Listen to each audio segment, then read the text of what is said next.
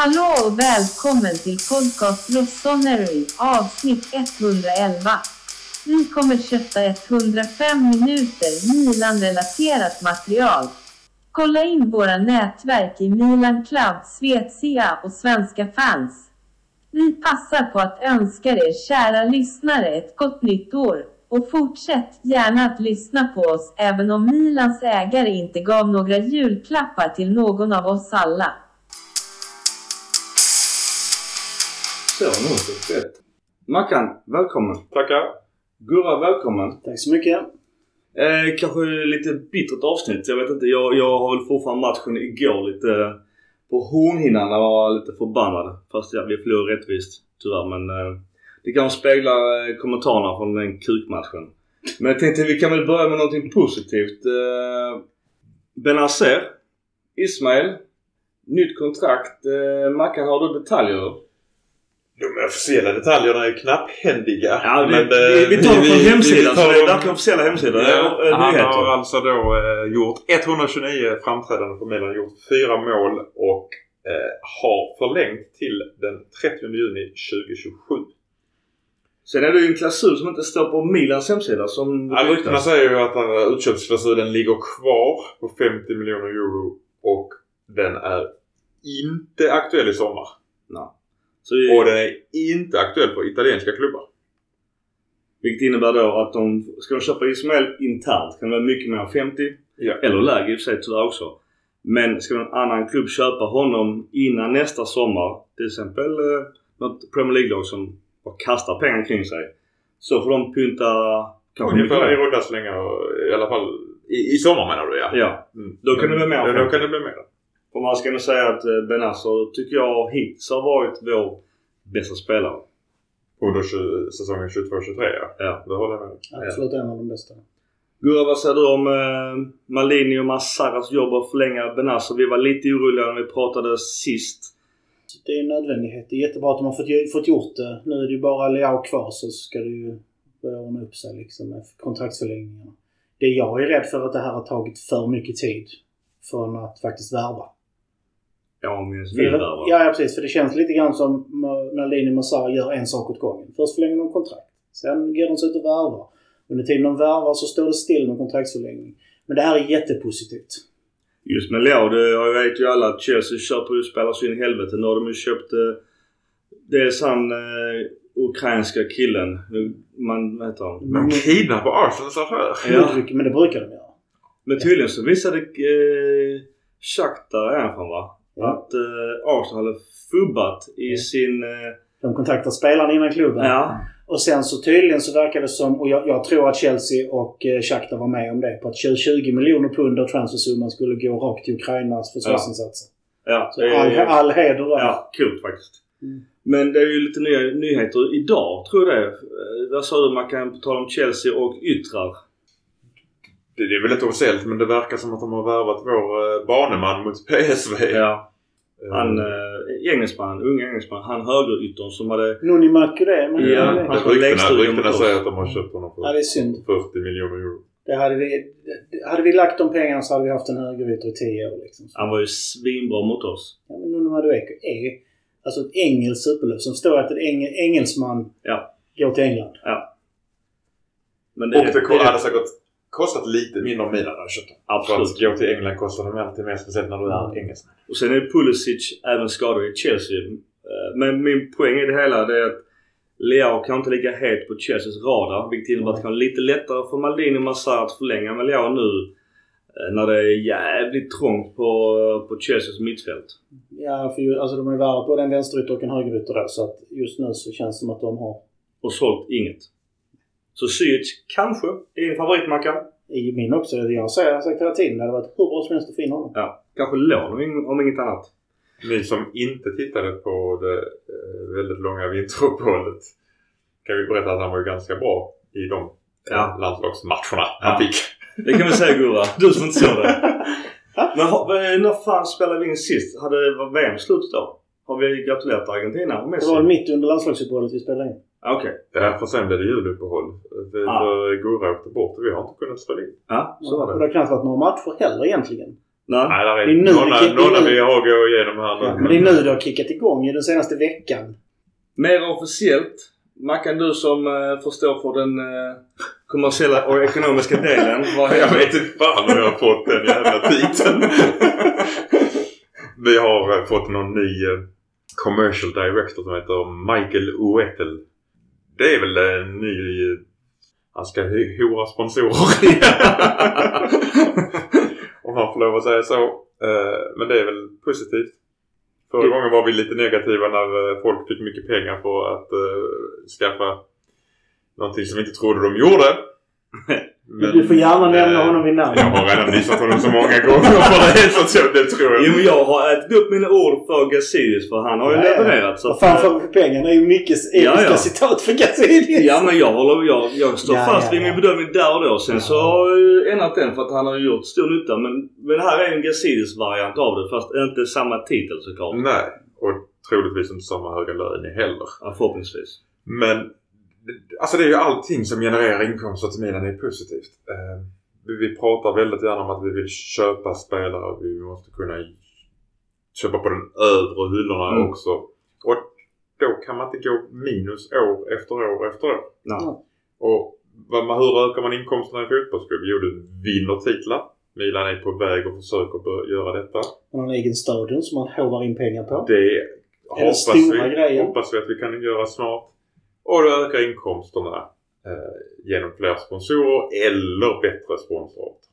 Just med arenan, det är jävligt dammig diskussion men det, det kommer ju återigen snack lite då och då att borgmästaren är ju med på att flytta till, eh, vad heter det, Seattle? Eh, Grannkommun. ja, alltså där. Det är inte långt ifrån. Jag tror det till och med ligger inom det kommunala tågkort. För när jag åkte till Monza så åkte jag på samma tågbiljett som internt i Milano. Så att det är inte jättelångt bort från, eh, alltså det är ju nästan närmare än vad San Siro är. Då, då, då är det faktiskt en helt intressant sak. Rätta mig om jag har fel, men Milan på italienska heter också FC Milano. M-I-L-A-N.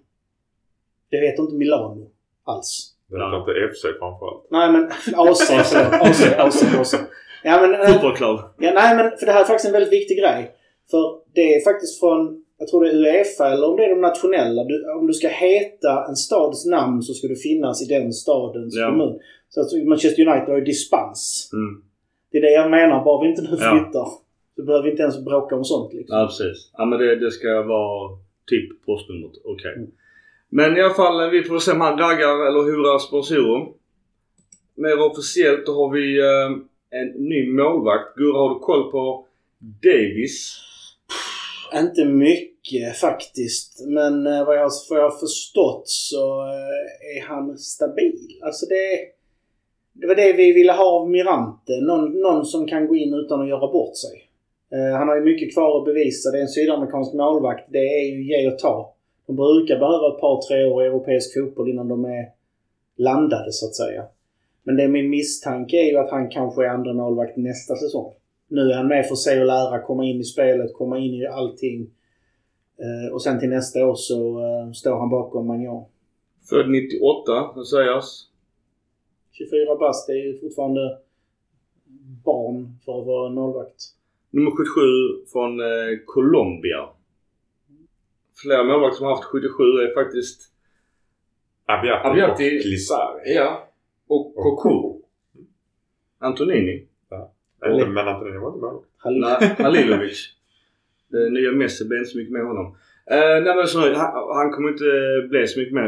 Man kan dra lite nyheter på tal om målvakter och Mike Mignon, vår super-Mike. Vad händer? Det senaste Fan vi, vi läste bara för en liten stund sedan var eh, från milanews.it att det går bra. Bättre än vad man trodde för några veckor sedan och att han troligtvis kan vara med mot Tottenham. Hoppla. Är när man Ja, ska gå rakt in då. det är ju en svår fråga såklart men framförallt vill vi inte att han skadar sig direkt igen. Nej, det är inte värt det. Eh, Det är det inte värt. Men helt ärligt så är det ju delvis skakigt på grund av att vi saknar vår första målvakt. Mm. Vi har ju nämnt Tatar innan som inte vill vara kvar. Kommer lämna till sommaren med största sannolikheten. Det är som vi sa, han, han är en bra annan målvakt men han har förstått i Milan i fyra månader nu. snart fem månader. Spelar vecka ut och vecka in så krävs det mer än att gå in och göra någon match då och då. Stor skillnad mellan Mike och Tatar. Alltså det, det är många skillnader. Men den största tycker jag, det är att Tatar är för mycket på linjen. Alltså man ser Mike egentligen överallt. Alltså nu säger jag inte att han är en, en nojer. Men Mike äger ju sitt straffområde. Det gör ju inte Tatar fast Tatar är två meter lång. Jag tycker det är dåligt faktiskt. Han, går, han, han går ut och plockar ner inlägg och sånt ibland. Det måste vi ge honom. Ja men tycker de har vissa uppenbara inspel som, alltså vi kan ta det med Turin och se men vissa grejer som bara kan gå på ett håll. Alltså, min poäng är att han är för dålig på att läsa av spelet. En målvakt som inte är van vid det och som inte har kvaliteten och psyket för det blir trött och försiktig när de får för mycket matchande. Är du inte, är du inte redo att vara etta och spela varje match så märks det på spelet efter ett tag och det är där vi är med honom nu. Hade jag varit tränare och vågat så hade jag kanske gett Mirante någon match, par matcher. Bara för att Tarusar ska få liksom tillbaka psyket lite grann. Det, det som jag ser som det stora problemet förutom att han är en sämre målvakt än Mike. Mm. Det är att försvaret inte har något förtroende. Mm. Jag vet inte om ni har sett det men många har kommenterat. Titta på hur Tomori skäller på honom. Mm. Det är inga positiva grejer. Mm. Och det är inte bra. Mm. Jag säger inte att Tomori inte ska berätta för honom om något är fel. Men man ser på ansiktsuttryck och kropp, kroppshållning att det här handlar inte om att du kom igen vi kanske ska göra så här. Mm. Ja, Utan det är rätt mycket hårdare ord. Det är just det här med kontinuitet. Alltså innan eh, Milan så var han ju ultrabänkad i Lyon ju. Det han ju var det 65 matcher någonting i Nantes och det är ju inte heller en, en toppklubb. Dels vinner Fiorentina men det är ju ganska länge sedan så att han har ju inte vana med spelare som som sagt 4-5 månader i radio. Mm. Men vi lämnar målvaktsspelet. Lite övrigt i... Eller ska vi göra det? Det ryktas ju att man har varit i kontakt ja. med Buffon. Ja det kan vi ta direkt ja. oh. Vad säger vi om den? Eh, eh, han är ju sjukt förknippad med Juventus såklart. Eh, gått tillbaka till sin moderklubb i Parma. Gjorde ju Jag ska säga att ryktena, ryktena blåser ju upp jättemycket efter Intermatchen ja. i cupen där han var jättebra. Där var han ju svinbra mot Inter. Det är en no-brainer. Alltså Buffon har fortfarande sån pass, så pass kvalitet. Mm. Så att får vi möjlighet så absolut. Däremot det är ju osäkerheten är just med Mike. Om Mike är borta längre än, vi säger nu Spurs dubbelmöte. Så är det bara dumt att ta in Buffon. Buffon är ju hem, det tar emot det med tanke på spökmålet. Men det är ju en vinnare som kan verkligen styra upp en backlinje. Så att han har varit sjukt effektivt bra. För även Mike, han är långt från toppen när han har varit. Men han kan ju verkligen få rätt på vår, vårt jävla hönshus just nu som är i försvaret. Men är det så? Kommer Mike tillbaka snart så tycker jag inte att den finns någon större vinning med att ta in Buffon. Alltså kan Buffon gå med på att backa, stötta Mike, ta någon match då och då. Det är ett lyft för hela laget. Det är ett lyft som man gör. Han behöver inte vara orolig. Du har Alltså bara att få in Buffon i ett omklädningsrum. Ja. Vilken ledare, vilken urkraft. Vi pratar om Zlatans betydelse. Mm. Buffon är på samma nivå. Ja, jag tror också det är nog Ja, de, de mjuka värdena som ja, någon, ja, men det. Ja men det är rätt. Det är helt rätt. Och en någonstans är lite kul också ett smått fuck-off till Juventus. Så det är ju alltid kul. Det kan, vi kan säga att den matchen mot, mot Inter var hans 50 match på San Siro. Det är mäktigt. När han inte har spelat varken för Inter ja. eller Milan så är det rätt många ja. matcher han har gjort på San Siro. Hans CV är ju ganska långt. Och spontant, ingen av oss är direkt negativa till Buffon. Fast den är en Juventus-legend. Nej, nej, nej. Verkligen. Alltså, ja, andra, är vi negativa till Abbiati? Han har också spelat Juventus. Då var vi tvungna att låna ut honom för vi skadade deras ordinarie målvakt. jag tror det var någon sån grej faktiskt. Jag tror ja. att vi skadade deras ordinarie målvakt och därför var vi tvungna att låna ut Abbiati till... Sen att Abbiati står och hoppar och sjunger med att han hatar Milan i någon ligavinst. Det är väl lite jobbigt att se. Och det, det var också en gång Twitter-tråd. Jag har ju helt missat det med att Abbiati har lite ytterkantsåsikter. Som, lite? Ja, det var nytt för mig. ultrahöger. Ja, det visste inte jag att han var. Jag gillar inte ytterkantsåsikter så det var ju lite tråkigt att läsa och höra. Galliani har en gång sagt om Abiati. Äh, långt till höger är det och vänster. Det gillar inte jag. Galliani har en gång sagt uh, att Abiati var en jävla kukmålvakt. ja. När han släppte in... Jag tror faktiskt att det var mot Tottenham. Uh. För Erik Niva var ganska nöjd, kommer jag ihåg. Ja, jag kan tänka mig. Alltså bara för att han har spelat i Juve och är förknippad med Juve. Jag ser inget konstigt i det. Nej, det, nej, det enda, enda är kanske åldern. Jag, jag har svårt att utvärdera honom. Alltså Buffons prestationer i Serie A idag har jag svårt att utvärdera. Ja, det är svårt. Med tanke på att man inte har sett honom i Serie A på länge. Han spelar knappt någonting när han var i Juventus. Det var ju Mm. mer bara för att han skulle slå Maldinis rekord. Ja, Nej. och det gillar vi ju inte. Nej. Men däremot, då vi pratar Tata, han är 36. Buffon är väl vad är han, 44. 44. Ja. Mm. ja. Ja, men han har ju något annat. Ja. Nog det. Vi, vi tar lite positivt innan vi går på matcherna och eh, Theo Hernandez har också kommit med i ett eh, EA Sports Fifa 23 Team of the Year. Eh, man kan väl bara snabbt dra laget som kör 4-3-3. Eh, Courtois i mål. Kanske inte förvånande så inuti helvetes bra han var i Champions League-finalen. Ja. Hakimi, högerback, Eder Militao och van Dijk. Eh, mittbackar, Hernandez som sagt vänsterback. De Bruyne, Modric, Bellingham eh, är mittfältarna. Messi, Benzema och Mbappe. Inget, inget tråkigt lag. Ja, det, är, det duger. Min, eh, min eh, pojk, han är nio och har börjat spöa mig duktigt i Fifa. Han brukar så pappa vi spelar, vi spelar. Så tar han Adidas All-Star-lag. Det är helt sjukt vilket lag han nog får på. Och han Tack, vad ska spela? Jag, på tal om spel, jag fick hjälp av och en kompis till mig. På, på, ja, på Twitter. Eh, så jag började spela Championship Manager 01-02 igen nu. Med uppdaterade trupp. Det är Ah. jävligt kul men det är ju en drog så man får ju passa sig ju. Vä- vänt- Vänta till du, om du spelar något riktigt FM då det verkligen är så verklighetstroget det nästan kan bli. Det senaste? Ja, ja, 23? Ja, det är så verklighetstroget. Alltså, det är som managerupplevelse. För du, du kan vara med och detaljstyra, du kan dela Ja. ut uppgifter och gå in och pilla på träning och taktiker. Ja. Och alltså det, ja, det är så roligt. Då är man fast några timmar. Det låter som jag hade tyckt det var jätteroligt men jag kommer aldrig göra det. För Nej. jag kommer aldrig sluta med det. Nej, jag kommer... Förra året tror jag spelade 4500 timmar. Ja. Precis. Det är Jag tror inte... Men du, du är ju inte flickvän som bor hos dig så det är lite lättare. Exakt, jag Ja. planerar mycket Alltså, bättre. varannan, varannan vecka har du inte barn heller. Jag tycker, jag, planerar, jag, jag, tycker, jag tycker det här bara handlar om att jag planerar bättre än vad ni gör. Eller så sover du ingenting. Eller sover på jobbet. Nog om det. Eh, vi bör kort också om, eh, vi har ju sagt Benazzers förlängning. Vi har ju en ganska ung trupp fortfarande. Vi är inte bland de yngsta trupperna i Europa som vi var för något år sedan. Däremot har vi en kontraktsförlängning på Mike eh, då. Den är ju till 26 fortfarande bra. Calabria till 25, Tomori till 27, Teo förlängning tidigare till 26. Då Benazzo till 27, Tonali har 27, Selmagers också förlängning sen tidigare till 26 och Shirley Cutler till 27. Eh, så det, vi har ju en trupp på sikt. Alltså Maldini, Massars lag är ju, de förlänger. Det är ju egentligen bara Leao kvar. Eh, får vi se, han lär ju inte gå till United. Eh, Diaz kommer frågan här nu också. Klausuler eller inte? Är det någonting ni vill? Vi har tagit han ganska mycket. Han, hans snitt är ju ändå inte kattpiss. Men hade ni velat Men köpa han är en loss? död puck. som. Jag är så nöjd med den. Uh, Brahim Diaz, eh, vi betalar, han kostar oss eh, 1,88 miljoner euro på ett år. Vi betalar ytterligare 130 euro i månaden för honom. Så nästan lika mycket till. skulle kosta 22 miljoner euro att köpa loss. Ja. Vill vi Jag det? tror att vi vill sänka... Jag tror vi vill köpa honom men jag tror vi vill sänka eh, klausul. Eller? Mm. Han har ju nyss gjort 100 matcher. Då får man ju ett plakat på Milans träningar. Så att redan gjort 100 matcher så är man en... Man är väl ingen legend om gjort 100 matcher Stor pojke, eller vad heter det i hockeyn?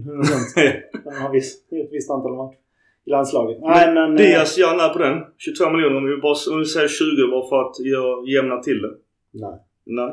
Mackan, gärna. Diaz. Jag skulle säga nej där också. Alltså, poängen med honom är att han är lika bra. Han har så höga toppar och så fruktansvärt djupa dalar.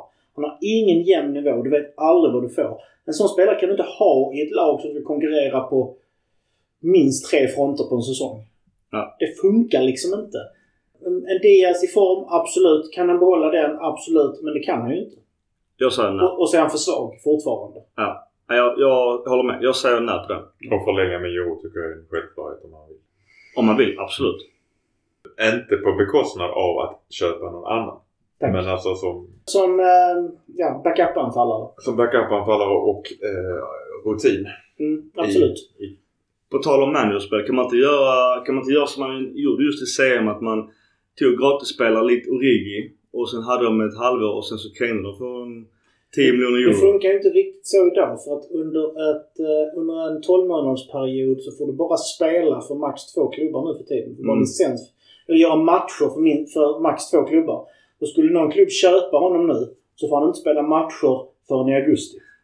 Okej, re- bara för att förtydliga. Så är det ett kalenderår eller en säsong? 12 månader. Under, under en 12 månadersperiod Ja, får du bara vara licensierad för två klubbar och spela matcher för dem. okej. Så det, det, det, det okej, från Det, start. det är därför den enda klubben Aubameyang kan gå till just nu om han ska lämna Chelsea Mm, är tillbaks till Barcelona. Ja, det, det, jag ställde frågan just på Twitter om just Aubameyang. Vår gamla Milan-spelare och en gammal favorit av dig Mackan. Som då har hamnat i ingenmansland både mellan Chelsea och Barca. Där det inte verkar funka någonstans. Medan vi behöver anfallare. Han hade ju varit perfekt i vårt Milan. Vi skulle klippt honom i sommar i så fall. Ja, det är ju en hemsk lön men fan han har varit perfekt i Milan och Jajamän. vem vet? Eh, sommaren kanske. Han är ju inte lastgammal. Vi har ju Giroud som är 36. Han är ju nästan ungdom i jämförelse. Så hellre att vi drar hem Skamacka som vantrivs i West Ham. Men det är en annan historia. ja. Men eh, nej, han kan bara gå till Barcelona innan eh, Alltså nu, den här, innan nästa sommaruppehållet. Du, vi går upp matcherna.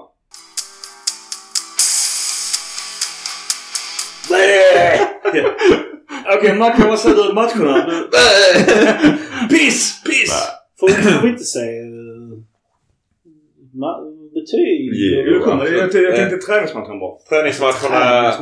Träningsmatcherna... Eh, ut. Ja.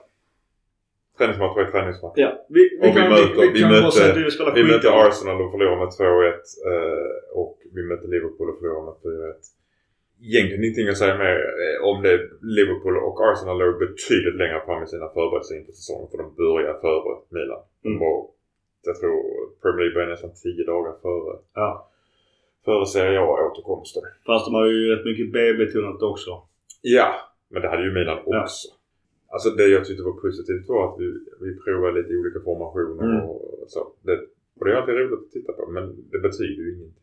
Det jag kan säga att de två matcherna gick ju, vad var det, i Saudiarabien eller vad fan var det? Qatar? Nej, det var Dubai.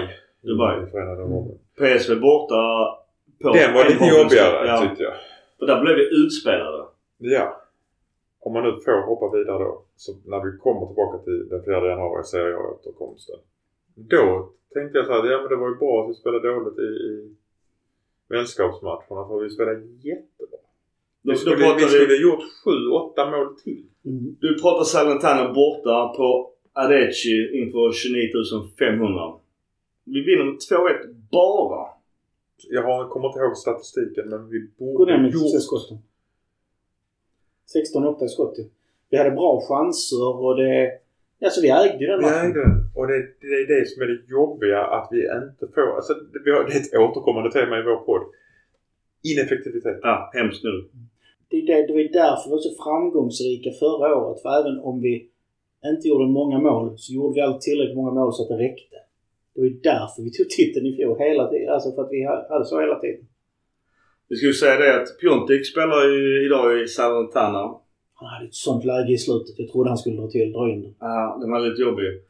Eh, här är ju Davide Nicola tränare för Salernitana. Han fick väl sparken efter Atalanta men sen var det han som fick sparken och fick komma tillbaks igen. Inom 36 timmar eller vad var Ja det? det var ja precis. Det är tur. Men, men, Norra Italien Ja, ja. tror jag. men, jag, jag tänkte att det var mer Palermo som var på med sånt. Ja, Ja, men, men det var ju för att de inte hade råd där till slut. De tog in en tränare som fortfarande betalar lön. Vad hade han? Tre eller fyra tränare på Ja, det lönelistan? var- det var helt sjukt. men stora behållningen här i negativ bemärkelse det är ju att man återigen till managerfavoriter och det är Ochoa i mål ju. Han var ju otroligt duktig. Va? Guillermo Ochoa. Ja, Han, han, han, han är ju jättebra var fjärde år. Ja, när han spelar VM. Ja, Ja, precis. han räddade ju dem många gånger. Ja. Mm. Sen så tyckte jag ändå att han såg lite rostig ut i vissa ingripanden han gjorde. Om jag får vara. Det är också en sån kille vi kanske skulle klippt som nu när vi har skadorproblem. Ja. Mest för rutinen och sådär. Ja, när han är en riktig bubblare. Det var, det var faktiskt lite kul att se för vet man man har haft en så här många managerspel men, men Fan han var bra i den matchen. Eh, jag har inte, uppenbarligen inte gått lika bra efter vår match såklart. Det var ju hans premiär såklart säger jag. Så att, eh, han var Han ju ägde. Tyskland i förra VMet. Ja, det I, i, i Ryssland.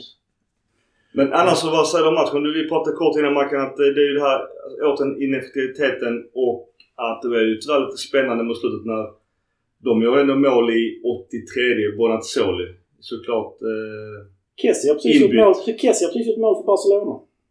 Cupen. Ja. Mot AD Sauta. Ja. Det är den vanliga cupen. vad säger ni Samantana? Dag på jobbet eh, som inte blev så effektivt. Nej, alltså som sagt var, där tyckte jag ju spelet var helt...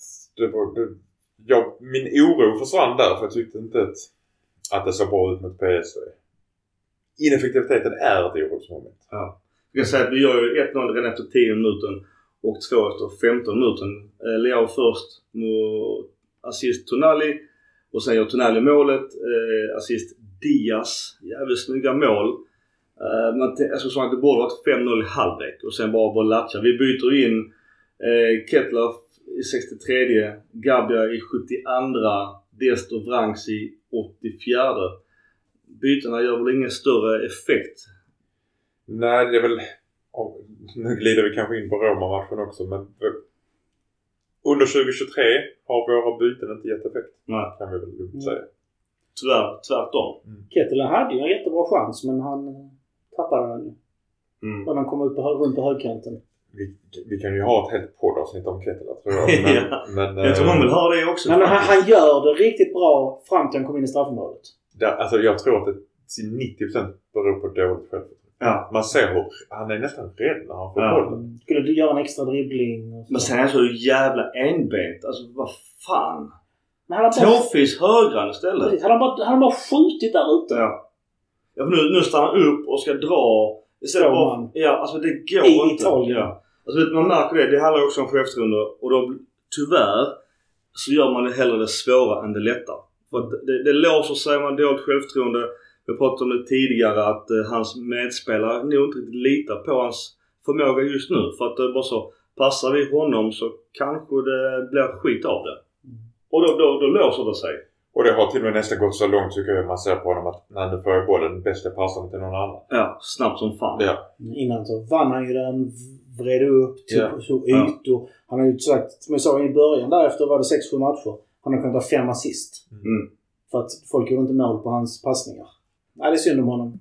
I matchen så det, det blev 3-0 men det blev bortdömt för VAR tydligen efter ganska lång eh, sekvens igen så hittade då VAR att Diaz är på bollen. Först trodde jag att det var en offside som kändes fel.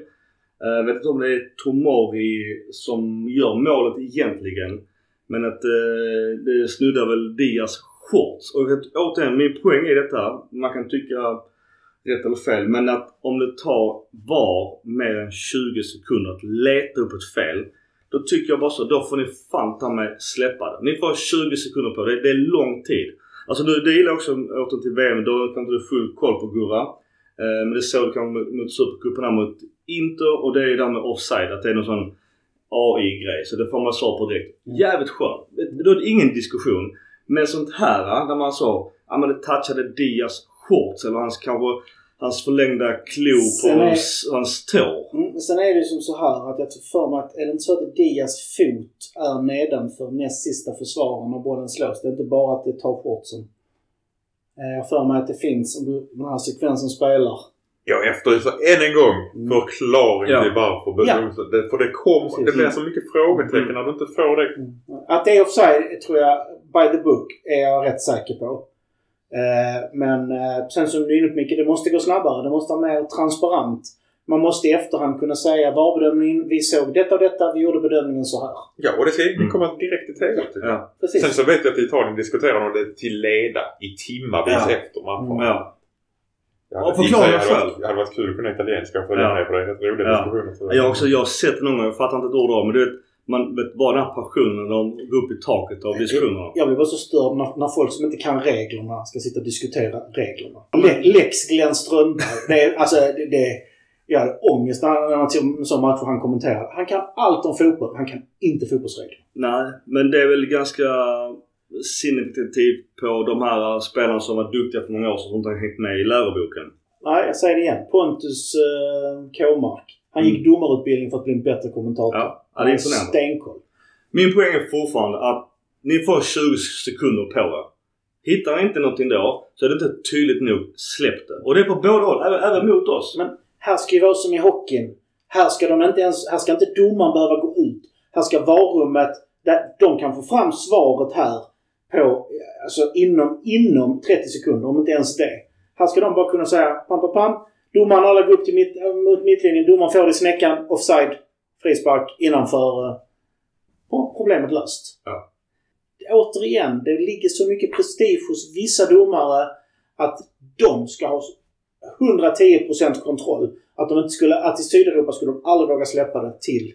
Det är därför de kallas huvuddomare. Jag har ju läst Mm. Jonas Erikssons bok och det, det du säger det handlar mycket om makten, prestigen och allt det här tramsiga. För det, det var ju det mesta man jobbade, vet jag, när man dömde i Sverige. Här jobbar man som ett team. Man är tre domare Mm. eller fyra domare som tar besluten tillsammans, som jobbar tillsammans. Där nere är det, är det sån tydlig hierarki. Ja. Vi byter match. Och då är vi inne på vår hemmaarena.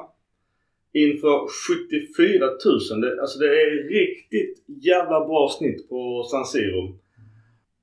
Massa, eh, David Massava som dömer och vi eh, är helt överlägsna i 85 minuter.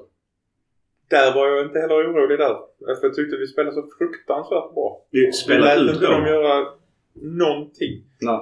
Vad gör vi sen? På BG gör mål. Nästan gör 3-0. Sen gör vi byten och så havererar. Precis. Och det är där jag är...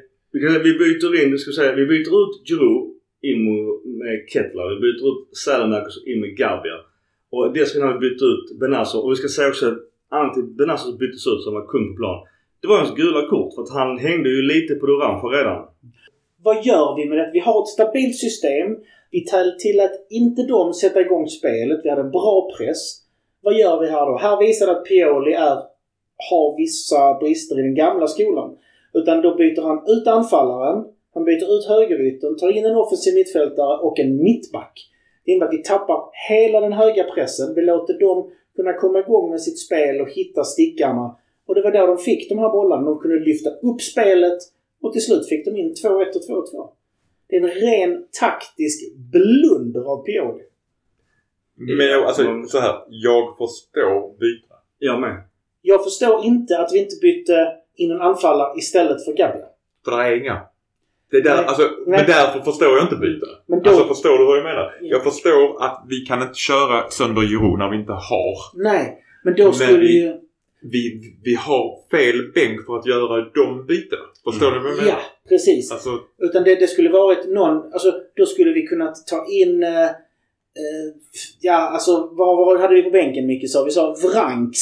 Eh, han kom in och gjorde inte bra. nej, men jag menar så att, så att vi flyttar upp Leao i den höga pressen. Eller behåll Sellemäki, sätt upp honom i den höga pressen.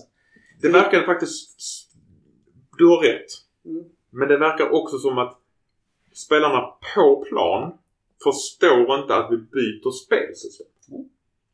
Hur vi ska spela. När vi gör de här taktiska bytena. Mm. Och då blir det helt plötsligt fem spelare eller fyra spelare som gör en sak och resten gör något annat. Mm. Och vi får inte ihop det. Ofta är det även om man tänker att vi sätter in en extra mittback. Men då har du tre stycken som ska samarbeta istället för två. Och då blir det ofta missförstånd. Bara för att du har en numerär på, en, på, en, på, en, på, på ett område så innebär det inte att du blir bättre. Eh, Nej, nej, utan det stör snarare i, i de här Ja. fallen tycker jag. rä- de, de räknar ju inte hem för att de missade alltså, att få rätt på spelarna. Det var så tydligt. Framförallt Ibanez när han kunde bara gå mitt emellan. Ja. Det var ett rent räknefel. Och det beror nog på just detta.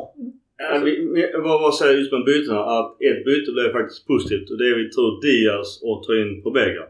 Pobega får mycket skit eh, från olika plattformar. Har du, du svenska fans nu? Svenska fans absolut, eh, men även på Twitter. Alltså vet inte, det känns som han är också en hackkyckling.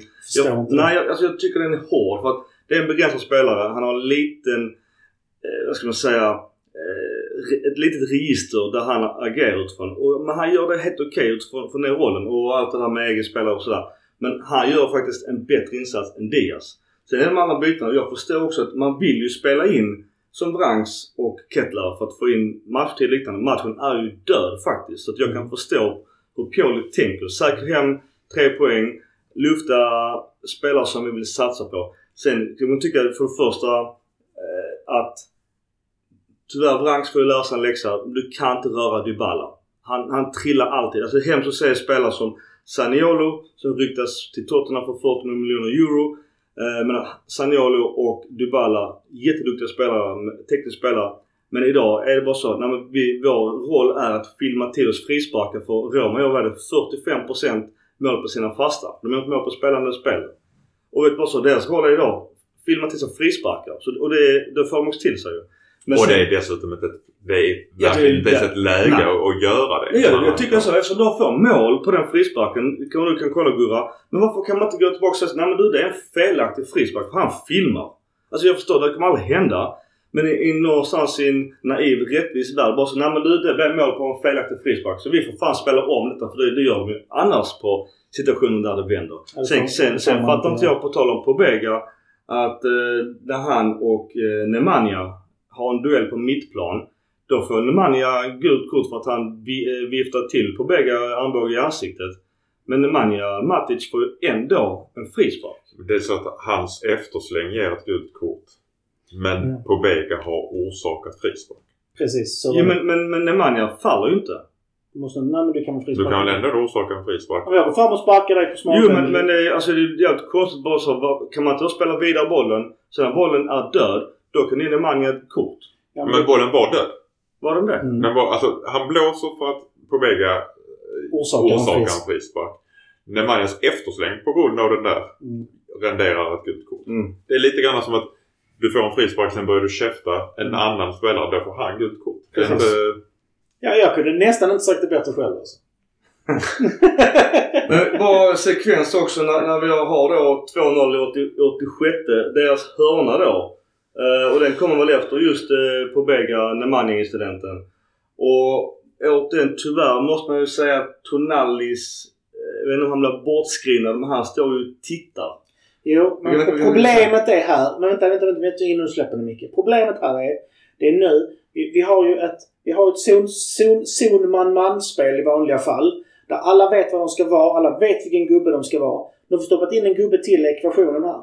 Tonali förutsätter här att, jag tror det är Branks eller Kalulu ska ta steget upp så han kan ta nästa kille där uppe. Du ser, du ser räknefelet. Det står tre tomma där nere.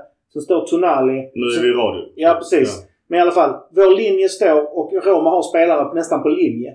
Istället då för att vår mittback som, som överbelastar en mittzon tar steget upp till mitten och eh, Tonali går upp. Så finns det ett räknefel här. Hade de inte varit tre mittbackar så hade det här räknats hem och det är det som är problemet. Alltså problemet tycker jag det är att om man ser på antal gubbar vi har i straffområdet när vi har mål. har vi 1, 2, 3, 4, 5, 6, 7, 8, 9. De har 1, 2, 3, 4, 5, 9 mot 5.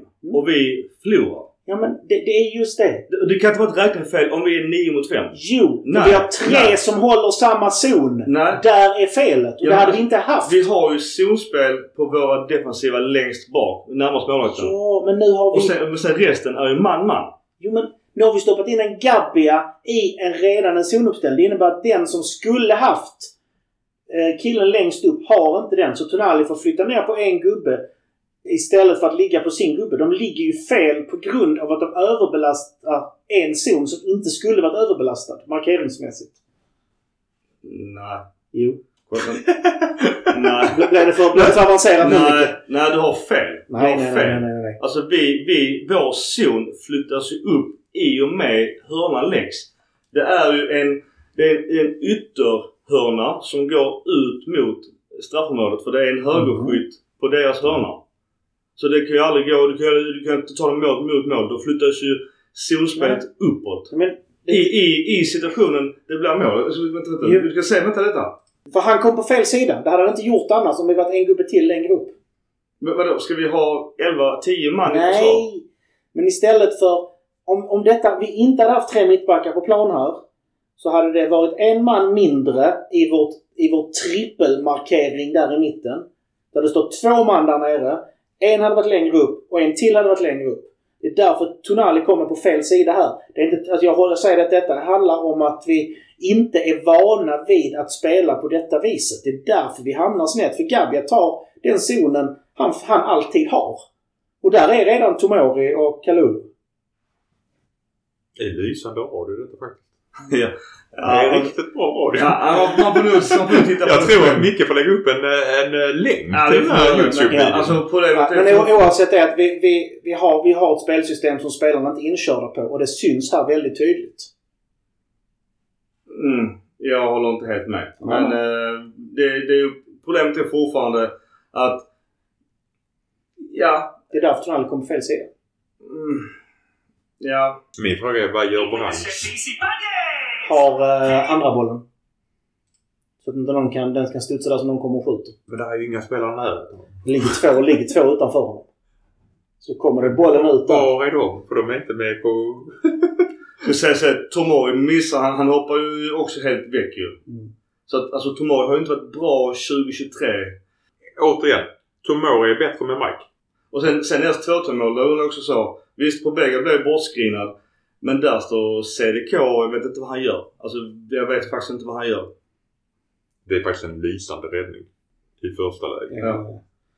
Matic eh, gör ju jättebra nick som Tata räddar. Sen är det ju, ja, sen Abraham är ju perfekt på, på return. Och det är också mycket så jag har hört en Twitter-snack att eh, Tomori var lite skakig som mötte sin gamla kompis i Abraham.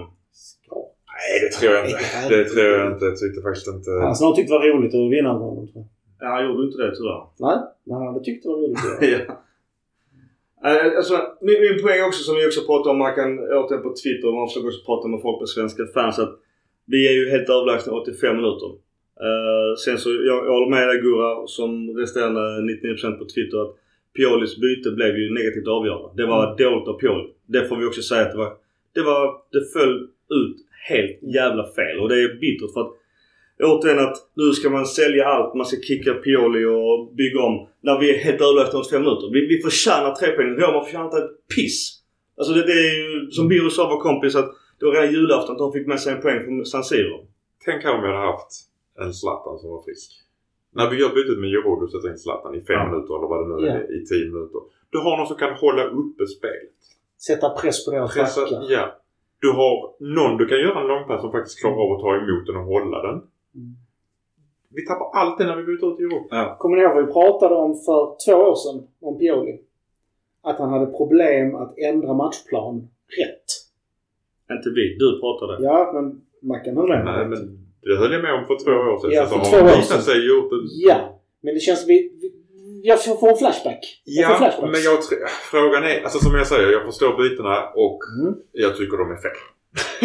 Samtidigt, på grund av att bänken inte var rätt. Jo, men ska, hade vi haft ska rätt vi bänk så är det ju rätt att byta. Det är helt rätt att byta ut, Benazer för annars hade han troligtvis fått ett gult. Ja. Ja. Men ska vi verkligen ändra uppställning när vi inte klarar av den? Det är där vi får titta. Nej, det, det, ja. Ja. Problemet är vad ska han göra? Behålla Mm. samma uppställning. I så fall låta spelare spela på lite fel position kanske. Fast det, jag, jag tycker det är tufft för hade man behållit samma uppställning och det emot därför hade blivit 2-2 ändå. Då hade folk tänkt så. Varför byter du inte in Gabia eller Tiao en ytterligare back för att stärka upp? Varför gjorde du inte det, det du faktiskt gjorde? Eller bara så. Du, vi leder med 2-0, vi kanske vinner med 2-0. Och så sitter vi då en 40 miljoner kronors värvning på bänken hela matchen. Bara så, varför slängde du inte in Kettlare när vi leder med 2-0 och matchen är slut? Så att alltså, ja, det är tufft för Pioli. Däremot så nu får vi recensera betyget och, och utvärdera vad som hände. Och då blev det ju att Pioli faktiskt tappar matchen. Sen någonstans tycker jag också när man ser presskonferenserna både idag och för två år sedan när Pioli faktiskt förklarar hur han tänkt med sina byten och sådär. Så har han i alla fall en tanke, en plan B, en plan C. Sen så, sen i själva verket att när vi ser att det blir hönsgård. Det är ju dåligt av spelarna. Alltså Mm. nu som Vranks, det blir ju en stor lärdom. Alltså vet så, du säger jag, rör inte Dybala. Han kommer att filma. Men jag säger att det, det är inte nödvändigtvis att han tänkte fel här. Men han har inte... Laget är inte inkört på som han tänkte. Och det är nog där vi hamnar. Och där kan vara fel då. Mm. Då borde han kört in och så här kommer vi göra. Ja. Precis. Och det ska ju vara gått igenom med spelarna i förväg. För att, Jag förutsätter någonstans också att här är vår gameplan. Detta kommer vi köra. Om någonting händer. Vi leder till exempel med 1 eller 2-0 när det är en kvart kvar. Kommer vi göra så här för att döda matchen. Ligger vi under med 1-2 mål kommer vi göra så här. Jag förutsätter att det finns de här dominoeffekterna utifrån resultatet och den konsekvensen. Sen att inte spelarna, jag vet inte om de... Alltså lite som man själv satt, satt i soffan bara så. Detta är klart. Alltså vi kan ju bara rulla, och det är så som jag skrev också i vår interna chatt. När vi leder med 2-0 till även 1-0. Varför ska vi föra bollen och matchen? De måste ju pressa oss. De, de lät ju oss bara rulla backlinjen. Bara så. Det kan vi gjort i, till matchens slut. Och så skyller själva, komma upp och pressa oss. Mm. Ja, det, det är svårt att, att förstå sig på deras taktik. Mm. Du var ju Mourinho på bänken. Men det var ju hans taktik Ja, rakt precis. igenom. Ja. Ja, ja, ja. Jag, Han satt jag, 3-2 i han, jag tänkte så här.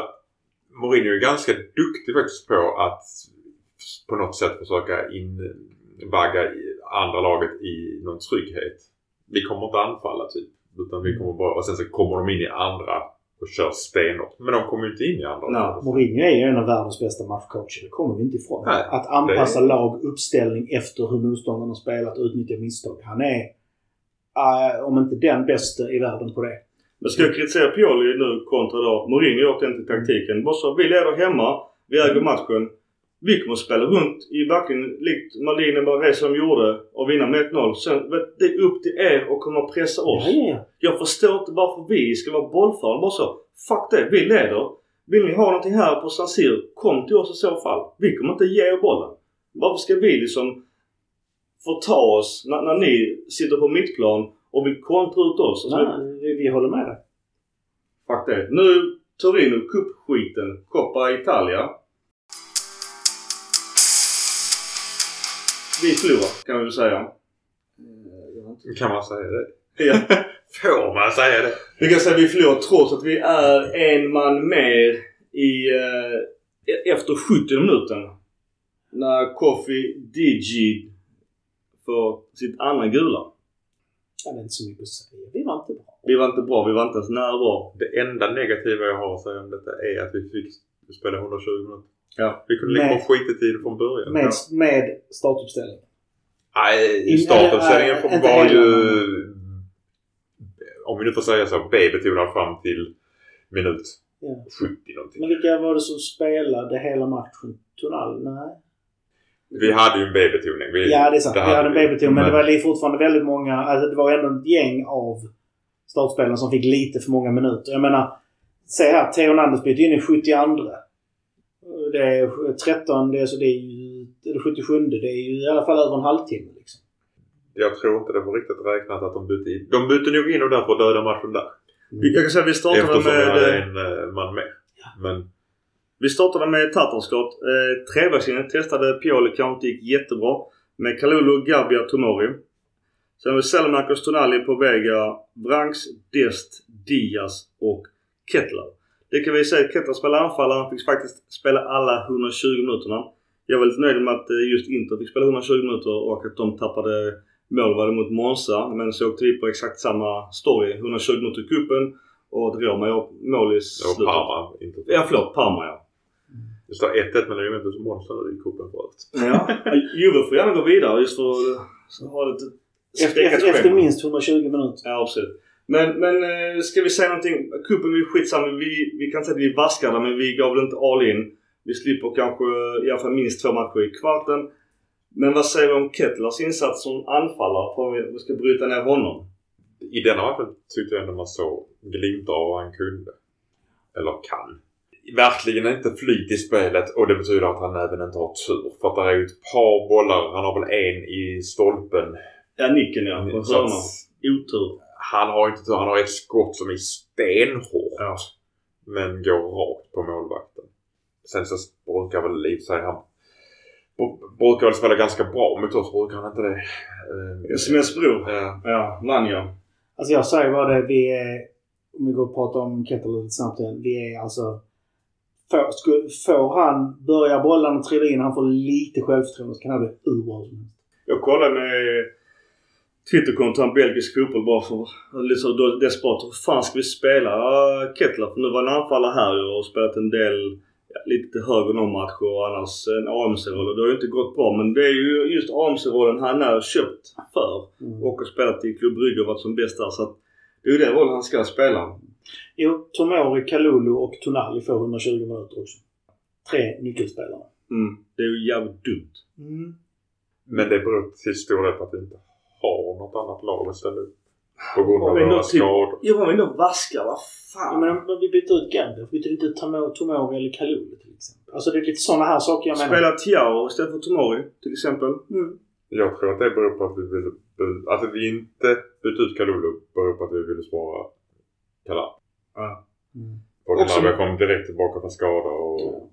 Så att, Ja, men Adli istället för Tonali. Adli som Sampdoria vill låna eventuellt. Jag vet att även att Turin vill köpa tillbaks på Bega om man nu pratar lite rykten som vi kan prata om senare. Men det är också sån grej, Adli verkar ju hur bränd som helst. Men varför inte spela i kuppen? Ja. Alltså får du inte spela ens i kuppen då är du rätt bränd. Men i alla fall, de gör ju mål i 114 minuter i Adopo. Eh, och det som jag sa, att det som hände där då, det var så otroligt förutsägbart. Och då, menar jag på att det inspelet borde faktiskt Tatar läst och tagit. Sen så att jag egentligen mest var nervös för vi straffar och eh, Kettler skulle slå en straff om han hade bränt den. Vad fan hade hänt med hans psyke då? Det varit tufft att, att skrapa upp det. ja, det hade nog. Men som sagt var det... Om jag nu i förväg skulle säga skit i någon, någon tävling i år så är det cup. Ja. Vi har fortfarande inte trupp för att slåss på fyra fronter. ja. Nej. Även om jag vet inte om Supercupen räknas som en front. Det är ju fortfarande Det det en bortamatch i vad det Saudiarabien och all förberedelse Ja. var det en tuff match. Absolut. Rätt fina lite pengar. prispengar. där är lite pengar i det i alla fall. Jämfört med kuppen som... Ja. Men väl, fick, Milan fick bara 500 000 euro för att komma dit? Eller vad var det? Alltså totalt sett var det 7,25 miljoner euro. Har de vunnit så har det att blivit ett gäng. Var lite olika på vem som går till Supercupfinalen. Är det två topplag Mm. och då Milan och Inter räknas som topplag så höjs helt plötsligt prispengarna. Sen så vinner såklart Inter och får mer pengar. Men Det var inte fullt på arenan. Det, Vilka, det var ju där, det är ju därför Serie A gick med på att lägga Supercupen i ett sånt land. Det är för oh ja, det är bara för att få kopiösa in pengar. pengar. Det är ju för Ja. att få in pengar. Och så sänder de inte på någon vettig kanal så alla måste betala för att få se det och sådär. vi går vidare till eh, Serie A igen och då har vi Lecce borta. Och eh, redan efter två och en halv minut så slår ju Kalulu som var det sämsta jag sett. Han slår en hur jävla blindpass. Han försöker spela Calabria. Den går ju mitt i gapet. Jag vet inte om det är just Men det är ju... Han får ju någon fel träff. Ja jag vet men det... Det är lite oschysst att säga att han... Nej, jag tycker det är så jävla Alltså, det. Han, gör, han, han gör fler missar också. Det är det som är grejen. Det gör han. Och Hernandez miss gör missar. Och det här är ju Hernandez som missar markering också när bollen kommer in. Jo men han räknar ju inte med att, att vi ska slå bort bollen Nej, nej, men- det är ju nej, det. Han är på väg, alltså det är ju så. Han, är på väg upp. Ja. Vi väg att anfall här. Jo, men, men sen så tittar han mest på tills han ser att bollen har studsat fram. Då sticker han ju. Ja, alltså... Alltså Theo för den tycker jag är tuff. För det, alltså detta är ju t- Kalulu. Han var så jävla dålig. Alltså, alltså, Alltså denna matchen var... Calabria jättedålig. Ja också. Och Leao var jättedålig. Ja. Här kanske man då ska ändå ge Pioli lite cred. Han behöll dem på plan och det var de som gjorde målen. Ja. Och ser du där, han, han, går inte, han möter inte bollen, eh, Hernandez, utan ah, ah, oj. Ah. Ja, alltså visst, Kalulu gör en jävla... Och där ser vi återigen Kalulu. Alltså det, Mm. Nu när de gör två mål efter fyra och en halv minut. Och då är Kalulu igen, alltså tittar i boll, helt väck. Mm. Sen tycker jag gjort också när vi, efter då nio minuter så har vi ju är det på Bega som har ett friläge som tyvärr drar, går och drar rätt i bröstet på målvakten. Det är lite otur. Sen återigen Lecces 2-0 mål. Alltså vet du, Var det Kalulus markering där igen? Ja och Calabria gör ju också Mm. riktigt dåligt. Alltså det är många som tittar boll. Alltså vi har ju, vi har ju världsspelare i Teo som står och tittar boll också. Calabria missar också. Men det är, det är Kalulus zon och yta och spelare. Ja, det är bara riktigt, riktigt dåligt. jag var förvånad hur dålig. Men det är också som, som jag skrev lite skämtsamt på Twitter. Alltså det här med att Piolo ska ge bort två mål i varje match. Den taktiken tycker jag är jävligt dålig. Ja, ja, ja, ja, jag, jag håller med dig jag är där. benägen att hålla med faktiskt. Den är jobbig att, att ha på sin agenda. Sen så är någonstans moralen är väl ganska god att vi ändå vänder tillbaka till 2-2. Men, men alltså med Lecce, alltså Lecce borta är inte lätt men... De hade ju hängt på tre mål också. Ja, de det jag menar på. De hade ju var närmare tre, Det här är en inställningsfråga. Ja. Det såg ut som att vi inte ville spela fotboll. Och sen också i första, återigen på bägge har ju två riktigt bra lägen. Med lite flyt, lite Napoli effektivitet så hade han gjort två mål ju. Ja, och om Giroud hade fått de lägena. Ja. Jag, tycker, jag tyckte Pobega var riktigt bra här. Han Ja. kom ju till lägen han tog för sig att det inte alltid sitter. Ja, så what. Ja. Han är där, han hittar dem. Sen är inte han, alltså han är ju långt ifrån en naturlig målskytt. Han är ju liksom de- defensiv mittfältare, bollvinnare. Det är ju det Mm. som är hans starka grej. Han ska ju vinna bollen på mittfältet och ge den till någon tekniker. Ja. Det är ett sjukt prestation av Leo att få in den bollen. Ja, klara men, men är det inte målvaktstavlan på Leos mål? 2-1 mål. Nej, vad var målvaktstavlan? Man täcker ju inte första stolpen. Han hinner ju inte dit. Han snubblar innan han ska dit ju. Ja, fan, jag tycker det är lite, lite clown. Sen så andra målet är ju sjukt snyggt av Giroud som passar Ja, vilken assist. Calabria. Alltså vad fan gör Calabria uppe som vänsteranfallare? Det är ju också helt bisarrt ju. Men Girouds assist är ju magisk. Bara gör mål får han gärna vara vänsteranfallare i min bok liksom. Drar en stolpe in i krysset. Ja, men alltså Calabria kommer rätt ofta Ja. med upp i Ja, anfall. Och sen så har han inte heller rätt fötter för att göra Nej, mål. nej. Han drar väl in ett, ett, ett hårt skott per säsong eller något sånt där som, Ja. ja. som utnämns till nästan till årets mål och sen så är det inte så mycket mer. Nej. Origi kom in. Eh, helt osynlig. Kan man säga det? Det kan man. Där kan jag tycka att det är lite... Där har vi kanske också ett byte som jag tycker... Jag tycker nog bättre att ta in CDK där. Mm. Som faktiskt hade visat upp. Nu hade han fått 120 minuter i veckan så det kan vara det också. Mm. Men bättre att ta in honom där för eh, han hade ju ändå gjort bra ifrån sig. Och jag förstår Origi behöver speltid. Men det kanske inte är rätt läge när du ligger eller jagar tre poäng. Ja. Sen också Via Del Mar, eh, 25 000 på plats. Det är ingen lätt bortamatch heller. Och sen så kan jag tycka... Här kan, man inte, här kan vi ju inte prata om att de parkerar bussen. Nej. Utan de kontrar Ja, ut oss. Ja, ja, de, de hade kunnat göra två, tre mål till. Ja. eftersom vi inte stängde några ytor. Så att vi har alltid haft problem med de som parkerar bussen. Ja. För att vi kan inte bryta ner ett sånt försvar. Mm. Men här, de pressar ju oss. Ja. Det jag är lite rädd för just om du var inne på uh, Origi. Att, eh, att jag hade rätt. Eller, och jag ville inte ha rätt. Nej. Att mina farhågor be, bekräftades. Ja, tyvärr. tyvärr. Jag, kan, jag tycker det är skitsvårt att utvärdera honom för att han har ju aldrig... Han har ju bara varit skadad. Ja. Ja. Men då är frågan, varför har han inte fått spela mer när han har varit frisk? Alltså, ja, det är ju nog delvis för att han faktiskt aldrig har kommit in i laget. Mm. Nej, han har inte gjort jättemånga minuter som du sa historiskt sett och sen kommer man att förvänta sig att, att han ska göra 2-3 tusen minuter i Milan. Han har inte sagt han har inte spelat regelbundet sedan 2015. Ja. På våren. Alltså det är sju, snart åtta år. Han har inte spelat regelbunden fotboll. På tal om anfallare, vår Colombo. Annars väldigt bra. Han var ganska blek mot oss. eh, Jobbar ju hårt och en tuff kille att möta. Jag, jag tycker fortfarande att han är ett bättre alternativ än Origi. Nu är det lätt att säga med, med facit i hand hittills. Men jag ser ju hellre Colombo i Milan än Origi i Milan nästa år. Oh yes. Framförallt tjänar Colombo en tiondel. Ja, och egen produkt allt vad det innebär. Men och annars, det är lite småkul annars, det är ju att vi byter, eller vi, vi, Lecce byter in Joel Persson. En, eh, jag tror en kille från Trelleborg. Så att det är lite var svenskt på plan även här. Även eh, Roma har ju en svensk talang så att... Eh, Som också kom in. vad sa du? Kommer inte han in? Jo. Så att eh, kul för svensk framtid förhoppningsvis med kanske lite mer publicitet i svensk media också. Men Han, han, alltså, han, han kan inte ha spelat i... Uh, nej, det är därför du inte nämnde vilken klubb i Sverige han har spelat kom- Trelleborg? Han kom från HIF. Nej. Han är Trelleborg tror jag. Okej, okej. Han, han, kan, okay, han kan ha spelat i Helsingborg men han är från Trelleborg. Hade han spelat i MFF så hade det ju nämnts. Ja, men då hade jag haft koll på det. Det- Jag hade inte så... Det Jag hade inte är väl bara, där jag precis. Bara koll på- Det är inte bara för att vara... Nej, precis. Men vi lämnar eh, matchen mot Lecce. Det är ju tyvärr att vi har ju tappat eh, lite... Ja, vi har tappat fyra poäng. Ja. Uh, Micke han är från Falköping vill jag bara poängtera för. Okej, ja, det har jag fått Men han spelar i TFF. ja. Okej. ja, där var det. Mm. Men eh, vi, eh, det börjar bli ganska tätt. Eh, vår, vårt gap eh, ner till femteplatsen är lite mindre nu. Napoli är ju... Ja, ska vi gratulera dem redan nu kanske till... eh, Kan du inte göra det för du, Till du, du, du, du, du brukar alltid ha fel. Till Vi kan vi gratulera till dem. Absolut. Och, Och de två senaste åren har de som har vunnit vinterskudetton inte vunnit scudetton. Så är det. också. Men det är lite väl många poäng. Men uh, ja. Det, är- alltså, fördelen där är att det räcker med tre skador på dem. Ja. Så kommer det Hamnar de vara... i samma situation som oss? Nej men alltså för då, de har ju tur. De har inte haft mycket skador i Napoli. Och, men, och de har väldigt tunn trupp. Så skulle Efter- de få lite nyckelspelare så... Efter 18 omgångar i fjol. Mm. Då ledde Inter på 43 poäng. Napoli var tvåa på 39. Milan var på, egentligen på delad. Andra plats med 39 poäng. Och vi hade 16 plus i målskillnad.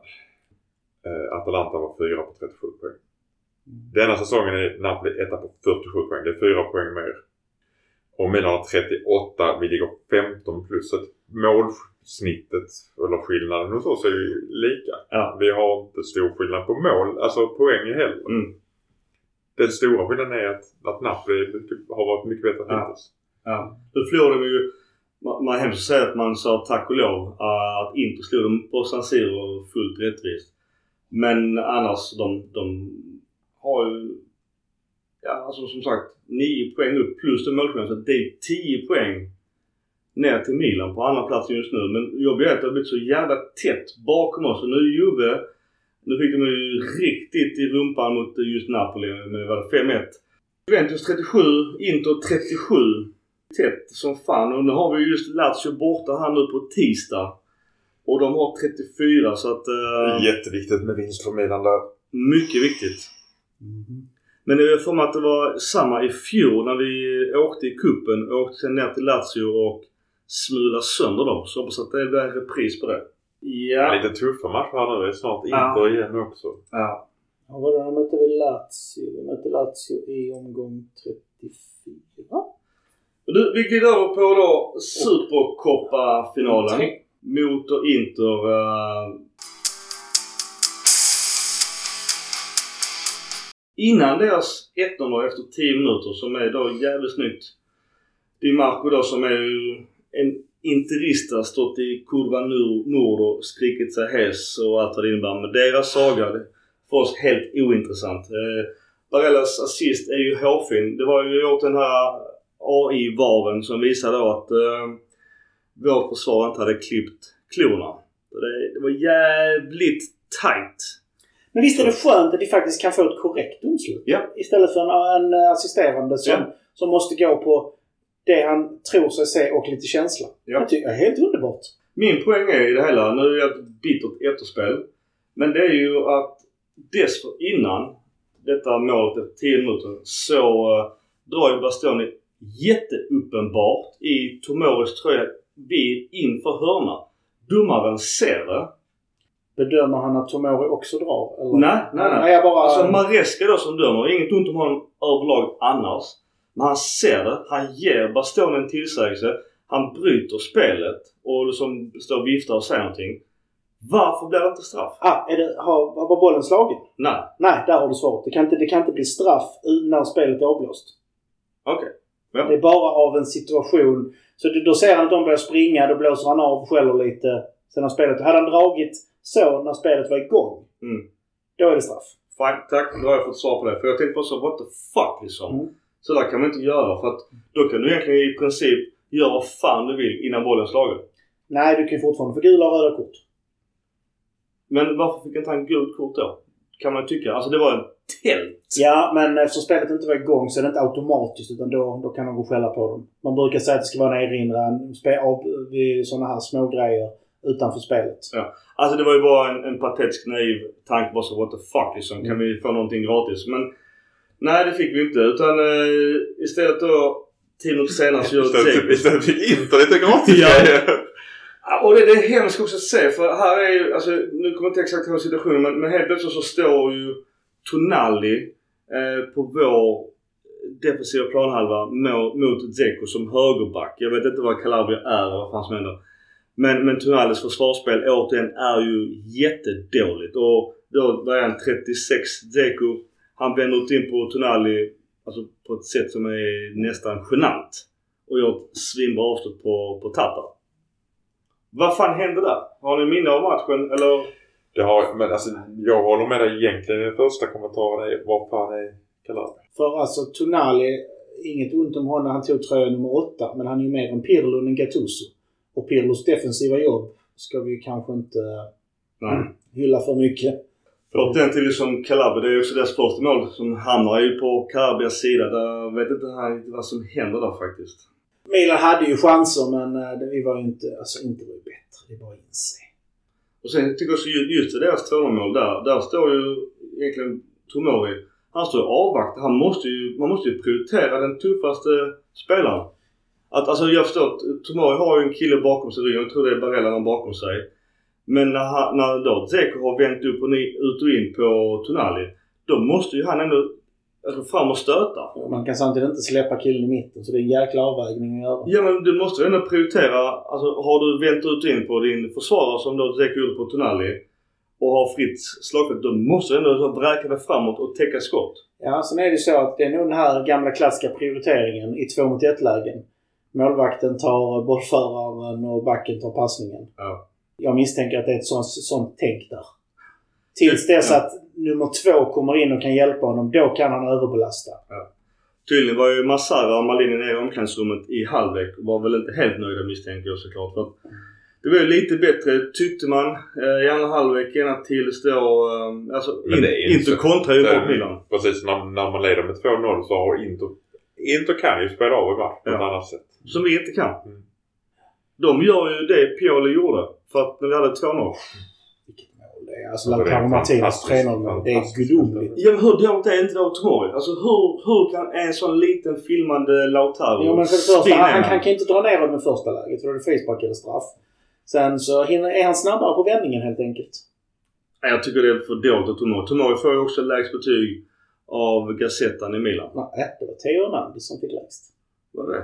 Jajamän, Theo Hernandez fick en fyra. Theo fick fyra ja. Och fick Tomori också. Ja, ja, ja, okej. Bägge fick det. De Jag var såg, lika dåliga. jag såg bara att Theo Hernandez flashades upp och utnämndes till sämst i laget. Pioli fick också en fyra betyg så han har ju också ganska tufft just nu. Nej, jag ska inte säga så. Men det är mycket möjligt att Mike hade tagit 2-0 mål. Den är tuff i och för sig. Ja, Fast den är, han, Tatarosan är ganska nära. Ja. Han är ju nära också på Mike är första mycket målet. snabbare i reaktion. Ja. Det är spekulation, men absolut. Vi kan säga så här, i Gazettans betyg så har vi ju... Det är en som får en sexa.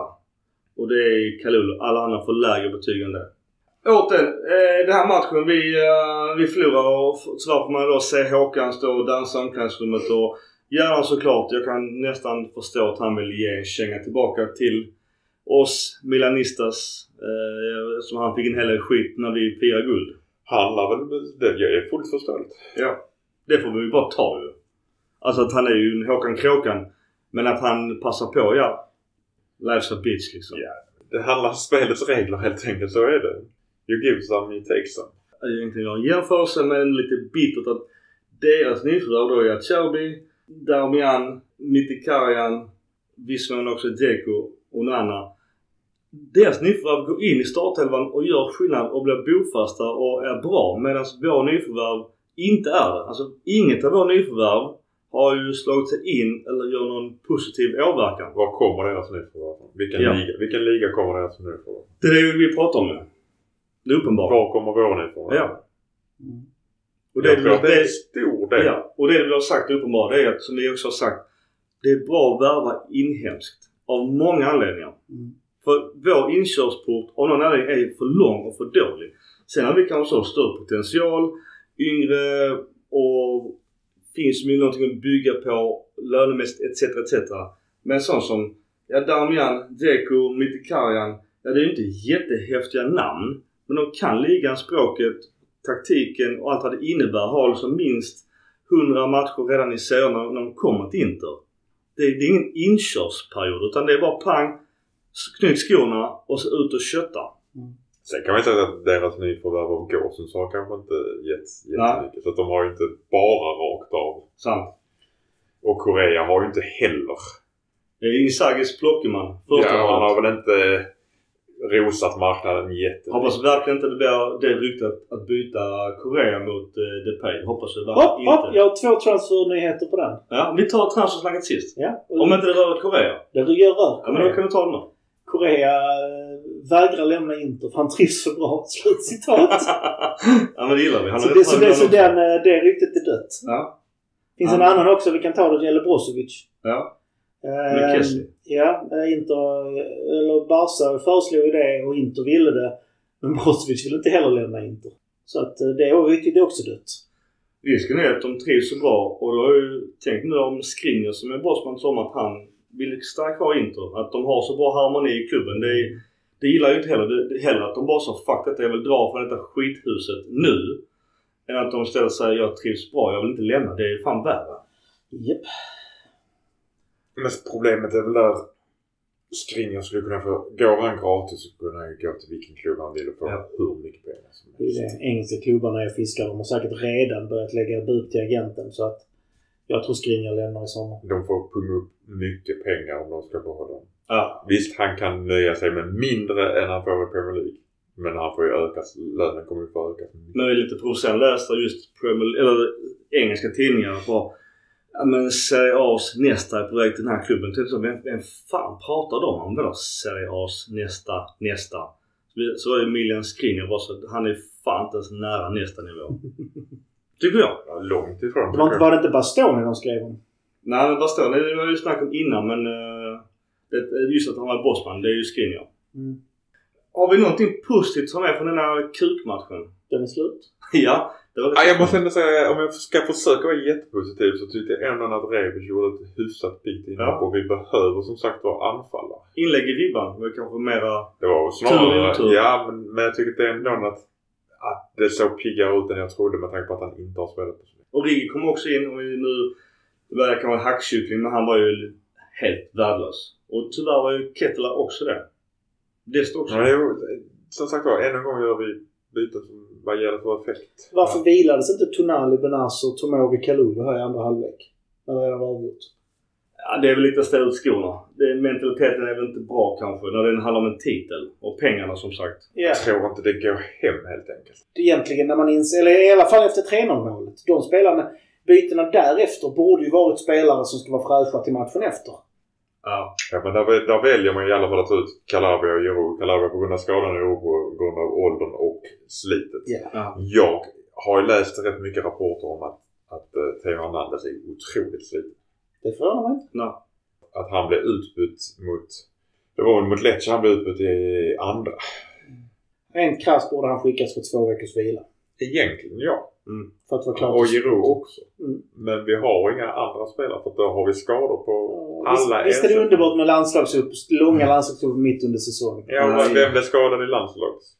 Nej, det var det faktiskt inte, men direkt efter. Det är ju Theo Hernandez den enda ersättaren vi har på vänsterbackspositionen. Han är långtidsskadad. ja. Så att, Vi värvar ju ingenting heller så att nej. men där är jag, jag måste, ja. Jag har sagt detta förr. Men Vadå? om vi pratar om värvningar generellt Mm.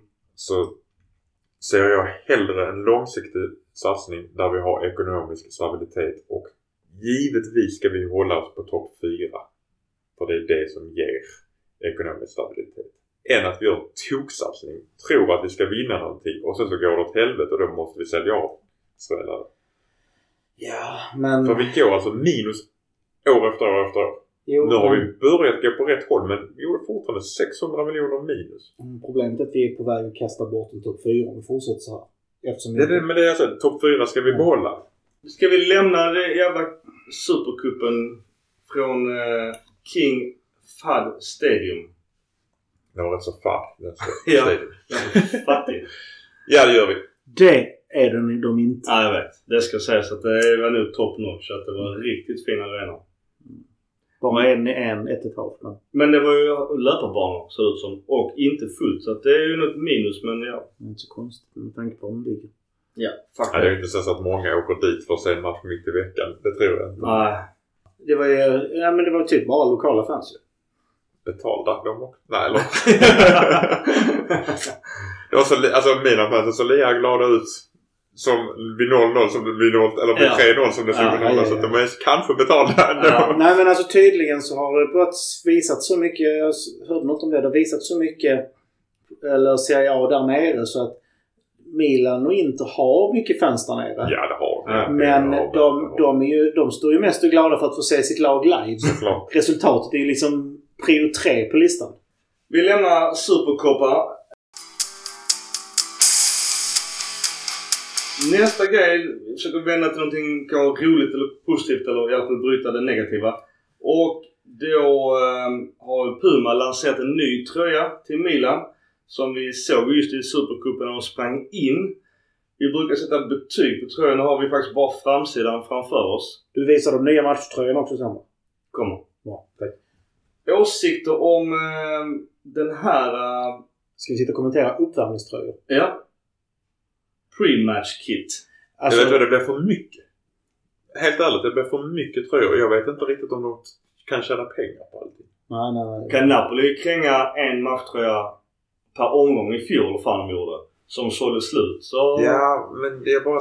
Det, jag vet inte om jag har varit inne och kollat på Milan Stores hemsida. Hur många olika tröjor. Ja, nej, det börjar bli för mycket. Och det är Men- inte billigt heller. Men eh, alltså som uppvärmningströja, ja, helt okej.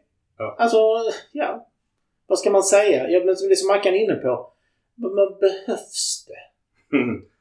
ja men allt för att kunna kränga... Ja, men jag bara frågan är var, Ja. var hittar du... Alltså visst. Var, var, är, var är brytpunkten? Ja. På de två kurvorna? Ja. Ja men det är väl någonstans för att kunna ha en, en tröja till. Ja, jag vet att de har olika sponsorer. Med så reklam, det är det det handlar om. Det, det fattar vi ju såklart. Men, men skit i det nu. Betyg på den här rakt av 1 till 5. Två och en halv. Menar du gra- grafiskt nu eller funktion eller? Grafiskt. Vi har inte Alltså, provat- vi har inte provat det. Att, att, att, att kunna använda som uppvärmningströja, vilket är syftet, så är det klart en femma. Man kan ha den på sig och man ser inte naken ut och den har rätt färg. Så där är det en femma. Utseendemässigt, ja, tre. Ja, jag ger den 1. alltså den är asful men jag förstår poängen. Poäng, det är pengarna det handlar om. Om vi tar nästa tröja då. Det där är inte officiellt. Så Det är, inte, nej, det är inte officiellt ska sägas utan det är... Vad fan är det? Dåligt Photoshop. Ja, det är jättedåligt Photoshop. Det är inte det. Jag hade gjort det bättre. Ja, vi ska skita i den då. Det är inte officiellt. Vi skiter i den tröjan då. När de äntligen gör en trygg tröja som faktiskt inte ser anskrämlig ut som sån här specialtröja så ska vi faktiskt... Alltså, Ja, förutom att klubbmärket är fel färg också. det är ju guld. Alltså, Det är för att de har vunnit guld Ja. såklart. Ja. Ja, skitsamma. Den är pissful tycker jag. Vi går vidare. Den är bättre än förra året i alla fall.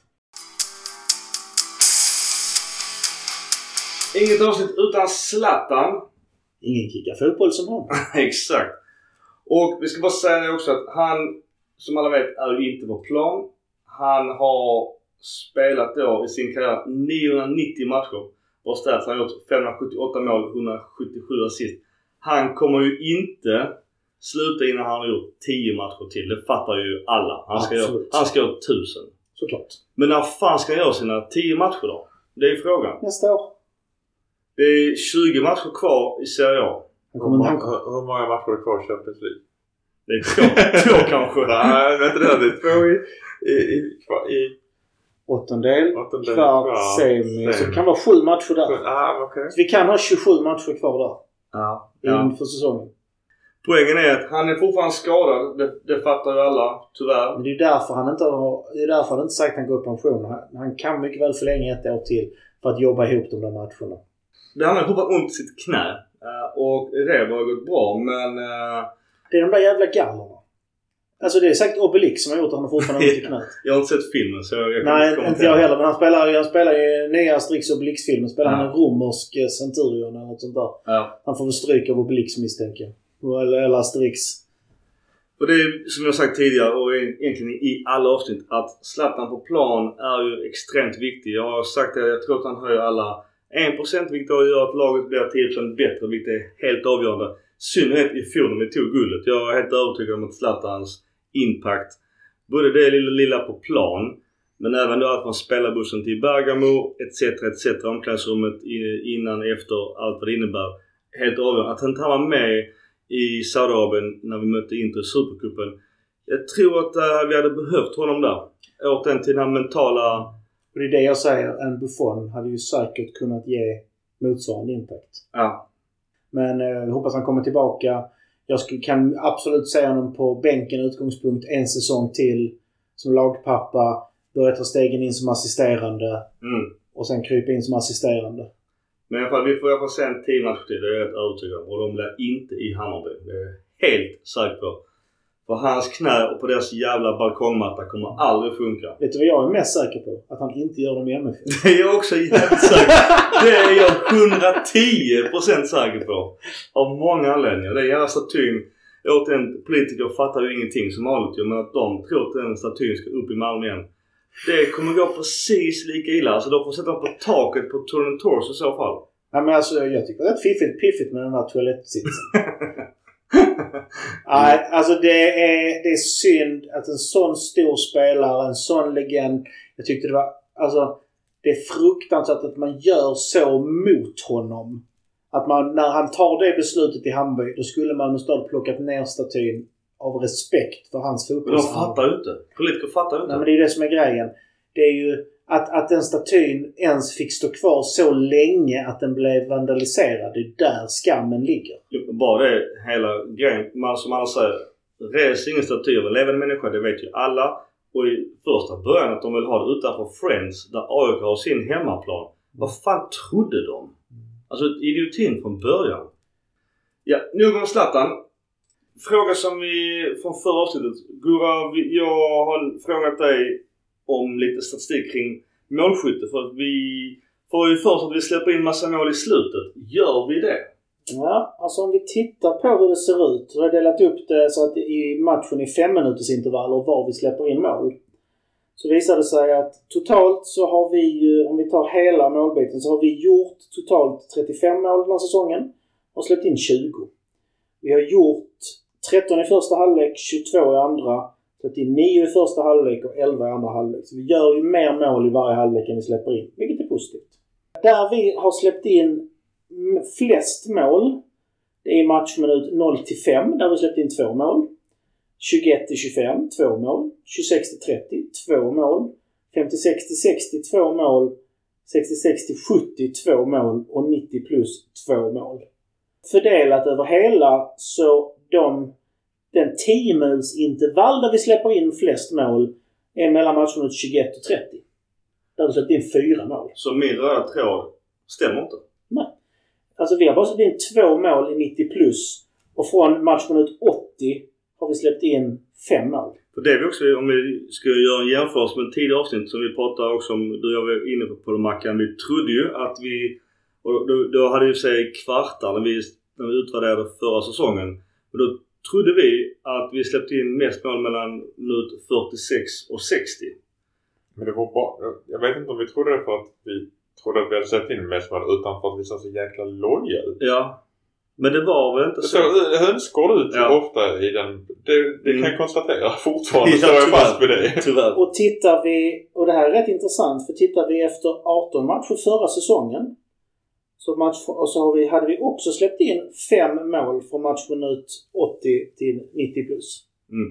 Så vi ligger alltså likadant där. Så min tes eh, att vi släpper in mer mål mot slutet stämmer alltså inte. Stämmer absolut inte.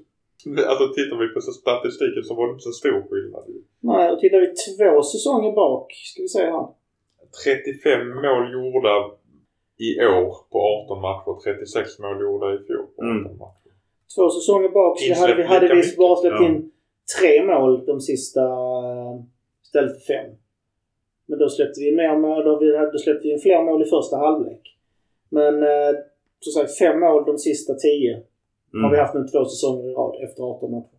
Så det är lite du är inne på Mackan att jämförelsevis med vårt guldår så det är ingen större skillnad utan det är Napoli som gör ett sånt jävla bra år. Napoli spelar en bra säsong och vi, Inter och Juve har lite knackiga säsonger. Det är det som gör att de kan sticka. Tyvärr har ju Juve här innan nu Napoli borta när de blev ja, rapade. Det är hemskt ord att säga men, men det kändes ju så. Men då hade de, hade de sju matcher i rad utan insläppta mål och rätt många 1-0 vinster. Inte kanske helt rättvist. Ja, det är en klassisk, en klassisk uh, Allegri. Ja, och det är ju ändå tre poäng så de har ju gått från att ligga utanför Champions League. Där skulle du kunna säga, det hade varit intressant att se statistiken på när Juventus gör sina mål. Om det är från 85, Ja. minut 85 och framåt. Ja. Jag har gjort Milan. Du får jättegärna göra Juve.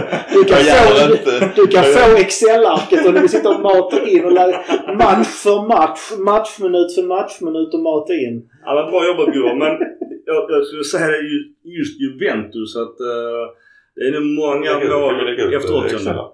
Jag. Kan ta en bild och lägga ut. Jag bara printscreenar den. Det är lite intressant. Skicka till seriös statistik också. Hävdar de att vi släpper in mycket i slutet eller? Nej, det är väl... Ja, alltså, det är väl någonstans också i den här hemska bitterheten när, när man... I synnerhet då Roma-matchen. Att vad fan hände där? Det var ju så jävla kukigt att vi tappar de tre poängen. Annars inget eh, nytt om eh, transfers. Jag vet att våra ägare såg ju inte ens matchen mot Inter och eh, de har väl kommunicerat att det inte blir, inte kanske de, men Malin att det blir väl inga nyförvärv denna januari. Så att jag tror inte vi ska förvänta oss någonting. Eller? Har vi några förhoppningar? Fast det har pratats länge om eh, AMR etc. Jag får ju bara känslan av att, eh, det här, att det här som jag var rädd för med amerikanska ägare. Att det eh, börjar eh, visa sig.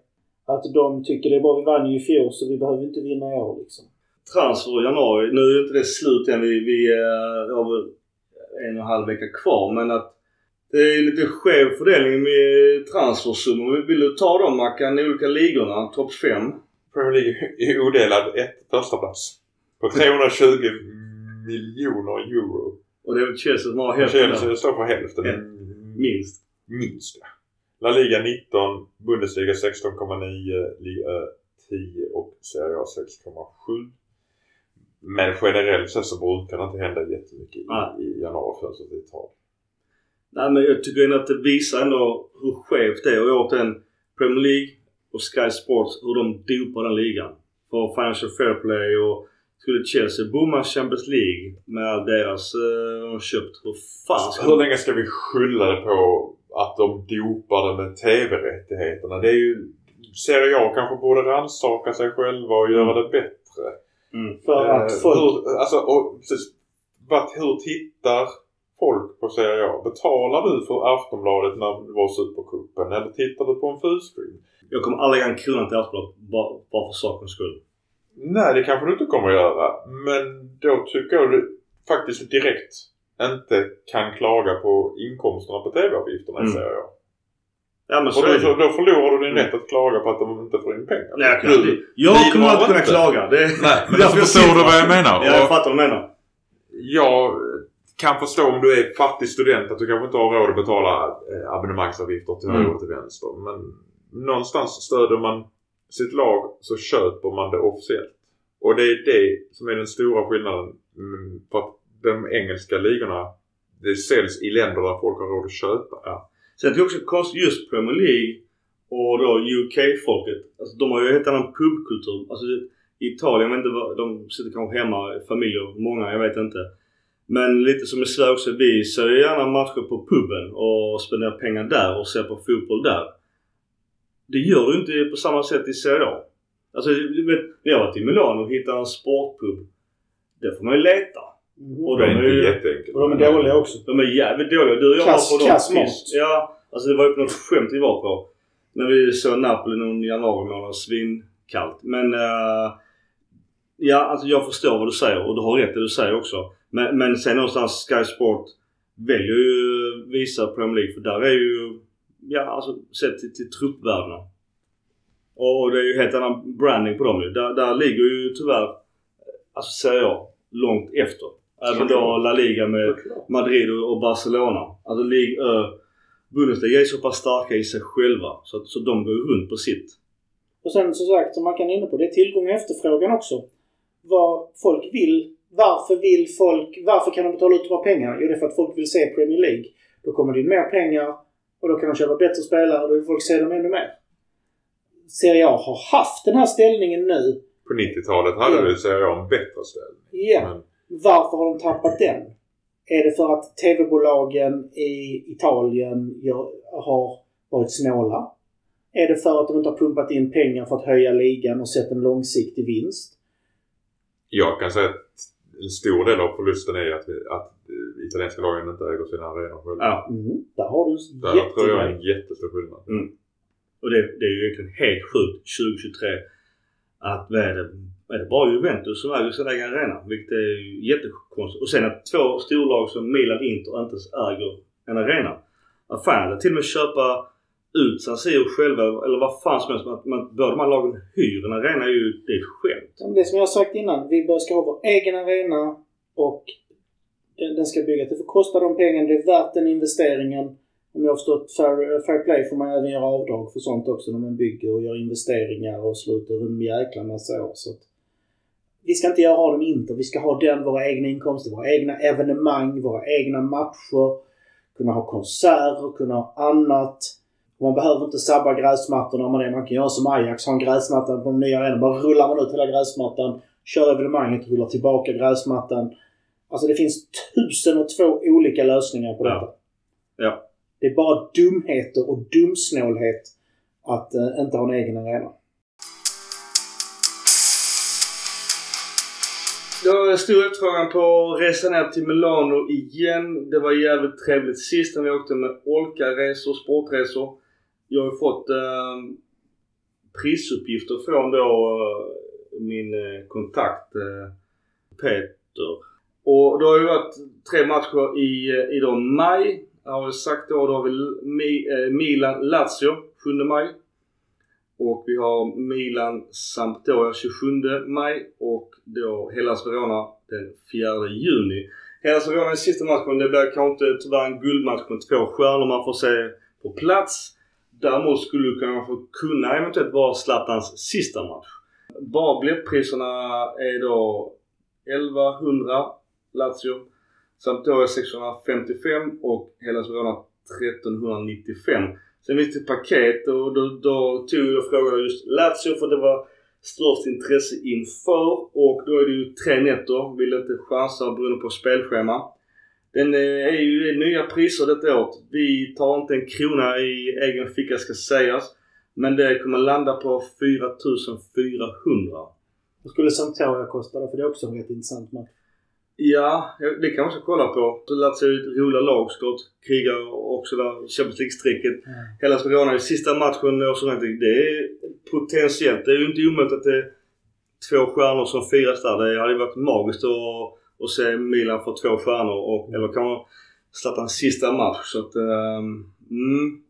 Men det är inte så jävla roliga priser faktiskt tyvärr liksom. Så att uh, jag har jobbat på det. Kolla Sampdoria. Alltså det tror jag många folk... Alltså, du får i alla fall ner priset nästan en tusenlapp misstänker jag.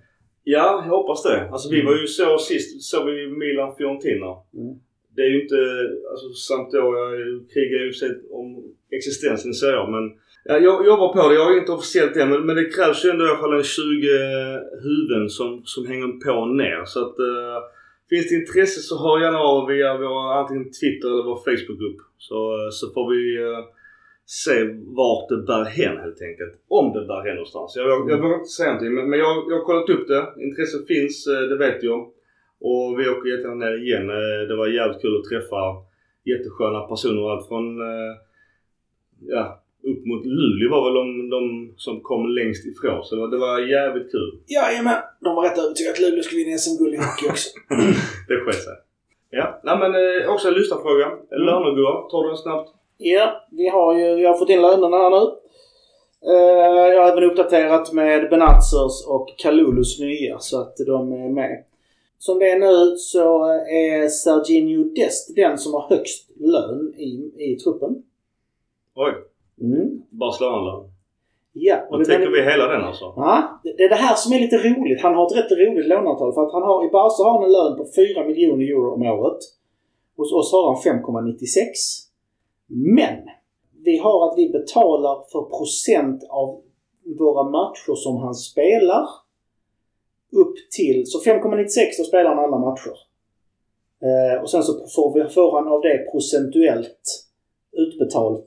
Men han är garanterad minst 4 miljoner från sin lön i Barca.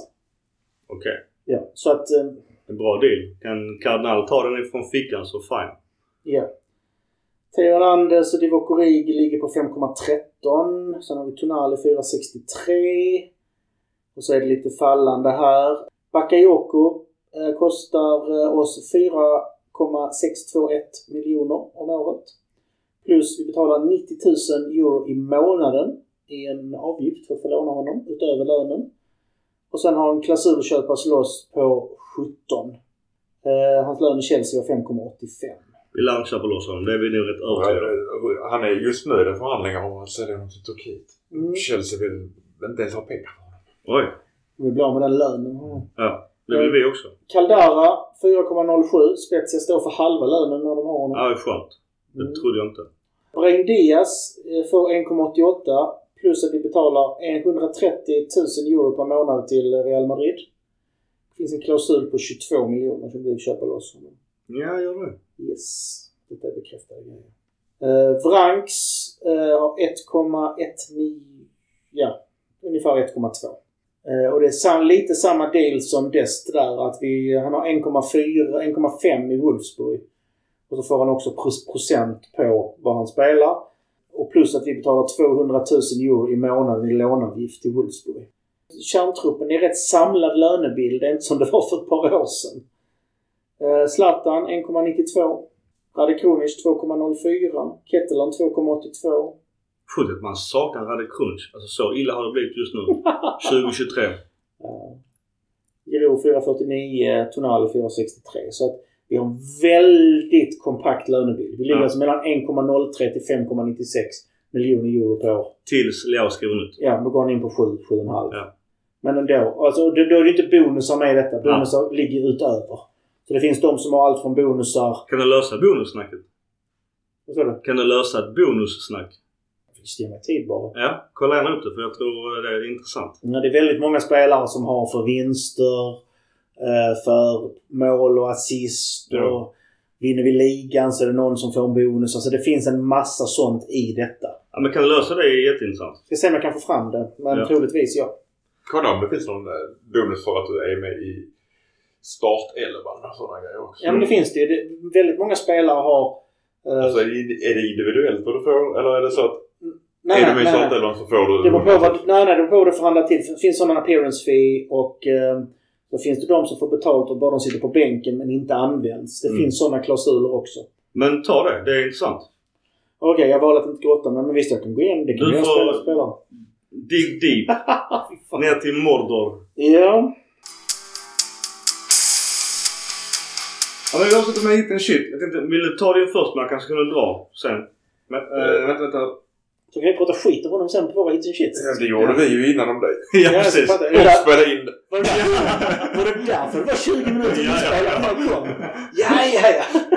Ja, men kör du Mackan då. Uh, shit är ju att det går åt helvete just nu. Höll jag på att säga. Men att det...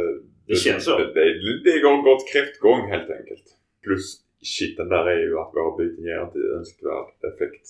Det är lite halvsvårt att hitta något, någon riktig hit. Eh, men hitten får vara eh, statistiken som säger att vi spelar ungefär lika bra som i fjol och då vann vi. Eh, min hit. Uh, fan, jag vänder. Jag tar shit. Det är mycket lättare. Jag har nytt. Har du det? Oj, oj. Min, alltså shiten är ju att det är Jag har typ tre shittar. Ja, ja, ja, det är lättare. Och det är ju i synnerhet Råmatchen. Där eh, har vi ju... Den är ju i skåpet. Vi har redan verkligen kasserat in tre poäng helt rättvist och äger matchen. Att vi sen ger bort den. Det finns mycket som vi pratade om innan i detaljer som avgör att vi tappar 2-0 hemma i 85 plus. Det är sjukt bittert. Det är en megashit och det blir ju tyvärr dominoeffekt i det negativa i det hela. Dessförinnan då har vi ju Salernitana åt den där som Mackan var inne på, det är att vi är så jävla ineffektiva. Att vi skapar... Alltså vi behöver fem klara målchanser för att göra mål och det är för dåligt. Vi har ingen, vi har ingen Shevchenko som kan göra mål på vänster, höger, huvud, alltså volley, allt. Vi har ingen sån idag, tyvärr. Vi behöver en... eh, Alltså alla behöver, alla, alla behöver en Shevchenko men vi behöver en sån här målskytt Jo. som gör mål på allt. Om jag, ska, om jag får argumentera det, vi har en sån målskytt. Men han har spelat typ 380 matcher det senaste året och han måste vila. Giroud är en sån spelare. Ja men inte... Alltså det är ju...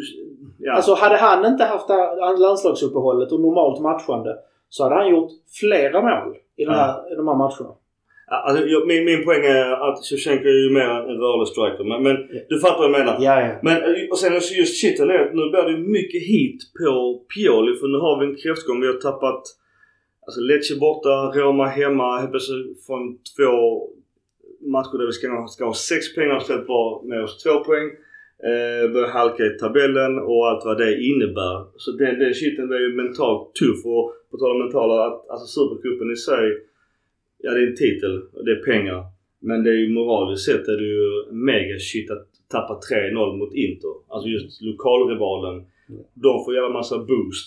Och eh, nu hänger vi liksom lite på repen och har Lazio borta nästa gång så det, det är ju mycket press på Milan. Och den dundershitten är ju att vår, vår så pass solida backlinje. Jag åt en statistik som Mackan sa att vi släpper inte in mycket mer mål än i fjol. Men det känns som det är en jävla hönsgård.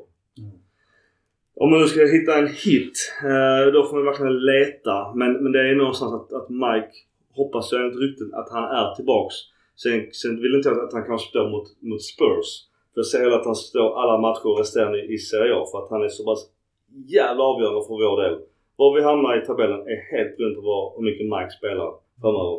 Så, att, så hitten är det om vi får tillbaks Mike. Uh, får vi inte det så är det ju en dundershit till. Min första shit. Det är att jag känner att, som jag sa innan, jag får lite vibbar av Piolis coaching för två säsonger sedan. När han inte klarade av att göra rätt byten och förändra matchbilden. Han var jättebra på det i fjol. Men i år känns det som att han hittar fel taktiskt lite för ofta. Shit, som sagt, jag kan nämna ineffektiviteten. Men en sak vi ska lyfta upp. Det är att det här transferfönstret är dött. Det är så uppenbart vad som behövs. Vi har en ägare som har pratat, pratat hur mycket som helst om att han vill göra saker och utveckla klubben. Och så är det bara. Men risken är, nu med Juventus som vi pratade om sist och allt som händer med den klubben. De rycker ju Massara. Om inte Massara får någon respons alls från nya ägaren. Mm. Och ägare i Juventus att du vi kommer strössla pengar. Kom till oss. Då kommer han dra till Juventus. Såklart. Hur länge kommer Maldini sitta och bara så här okej okay, nu är det en ny ägare som håller i pengarna. När det finns andra klubbar, alltså Newcastle med flera, bara så vad vill du ha? Här är en blank check. Gör vad fan du vill. Fördelen med Mal- Maldini är att han kommer aldrig gå till någon italiensk klubb. Det gör han inte, nej. Men Massara har ju alltså, han kan gå till Juventus och vem kan klandra honom för det? Eh, sen är ju shitten, det vi går in i nu, det är att vi har spelare som, har, som är sönderspelade och går in i två matcher i veckan. Vi kommer att ha mycket mer skador, mycket mer trötta spelare, mycket spelare ur form. Och det är bara att vara beredd på det. Det här landslagsuppehållet, dels matchandet innan det, de som spelade hela uppehållet och sen börjar med ett vansinnesmatchande igen. Det, vi, vi kommer ha så mycket skador så att... Och det jobbiga är just när du säger med skador, slitna spelare. Det är litar ju inte på vår bredd vi trodde att vi hade köpt in. Nej, nej. Alltså Tiao, Adli, Vrangs, alltså den här Origi, de här Mm. som skulle höja vår, vår lägstanivå. De får ju inte chansen. Och när han väl kommer in så är det en kvart här där och ja, det blir bara ångest av det. Så att någonstans, som jag sa, ja men varför lånar inte ut Adli direkt i så fall? Om vi inte kommer använda honom så ge till Sampdoria. Ja, för då har vi ingen istället. Ja. En hit som jag faktiskt måste lyfta fram. Jag, alltså, och vi pratade om innan, han får tydligen skit enligt dig. Men jag gillar vad Pobega gör nu. Han är framåt, han visar sig, han tar löpningar, han gör mål. Han är ju en box-till-box mittfältare. Mer förtroende på honom nu så kan vi ha en rotation bland de, bland de två eh, sittande mittfältarna. Han kan både vara städ, städgubbe och han kan ta den del av playmaker-biten. Han har nästan varit bästa av alla AMC-spelare. Ja, och då är han inte ens AMC. Nej. Vilket gör det hela roligare. Eller sorgligare. Sorgligare. För att någonstans är det bara som jag sagt tidigare, vilken roll har vår AMC-roll? För att så, han användes ju i Kessie-rollen en någon match i höstas här. Alltså den höga pressen. Mm. Upp, sätt press, sätt press, sätt press. Och där var han ju hur bra som helst. Ägaren upp till bevis. Och en megashit som jag lyfte upp redan innan. Jag sa att vi måste agera tidigt i det här fönstret. Nu har ha- över halva januari gått. Vi har inte fått in någon. Matcherna bara tickar på. Ska man göra en januarivärvning så ska den göras de första 5-10 dagarna. Så att man får många matcher. Alltså, att värva på sista dagen. Jag tror säkert vi kommer värva någon. Jag tror inte det tyvärr. Jo, jag tror vi kommer värva någon. Men det kommer inte vara en toppspelare. Det kommer vara en breddspelare eller ung spelare. Och det kommer komma in 30 eller 31 januari och det kommer bara vara bleh. Ska vi värva någonting då tycker jag man ska värva något som är potentiellt en startelvespelare. Alltså låna någon. Kolla vad så. Vem, vem sitter på bänken som är bra nog? Vi behöver en Hakim Ziyech på högerkant. Ja. Alltså han har varit. Han, nu kommer han ju... Även om han gjort svinbra VM så kommer han ju vara rätt långt från starten med tanke på vad de har köpt in och redan har. Ja! Alltså det finns spelare på marknaden. Men jag, vi sitter och bara tittar, tittar på stjärnorna känns det. Yes, Forza Milan! Forza Milan! Forza Milan.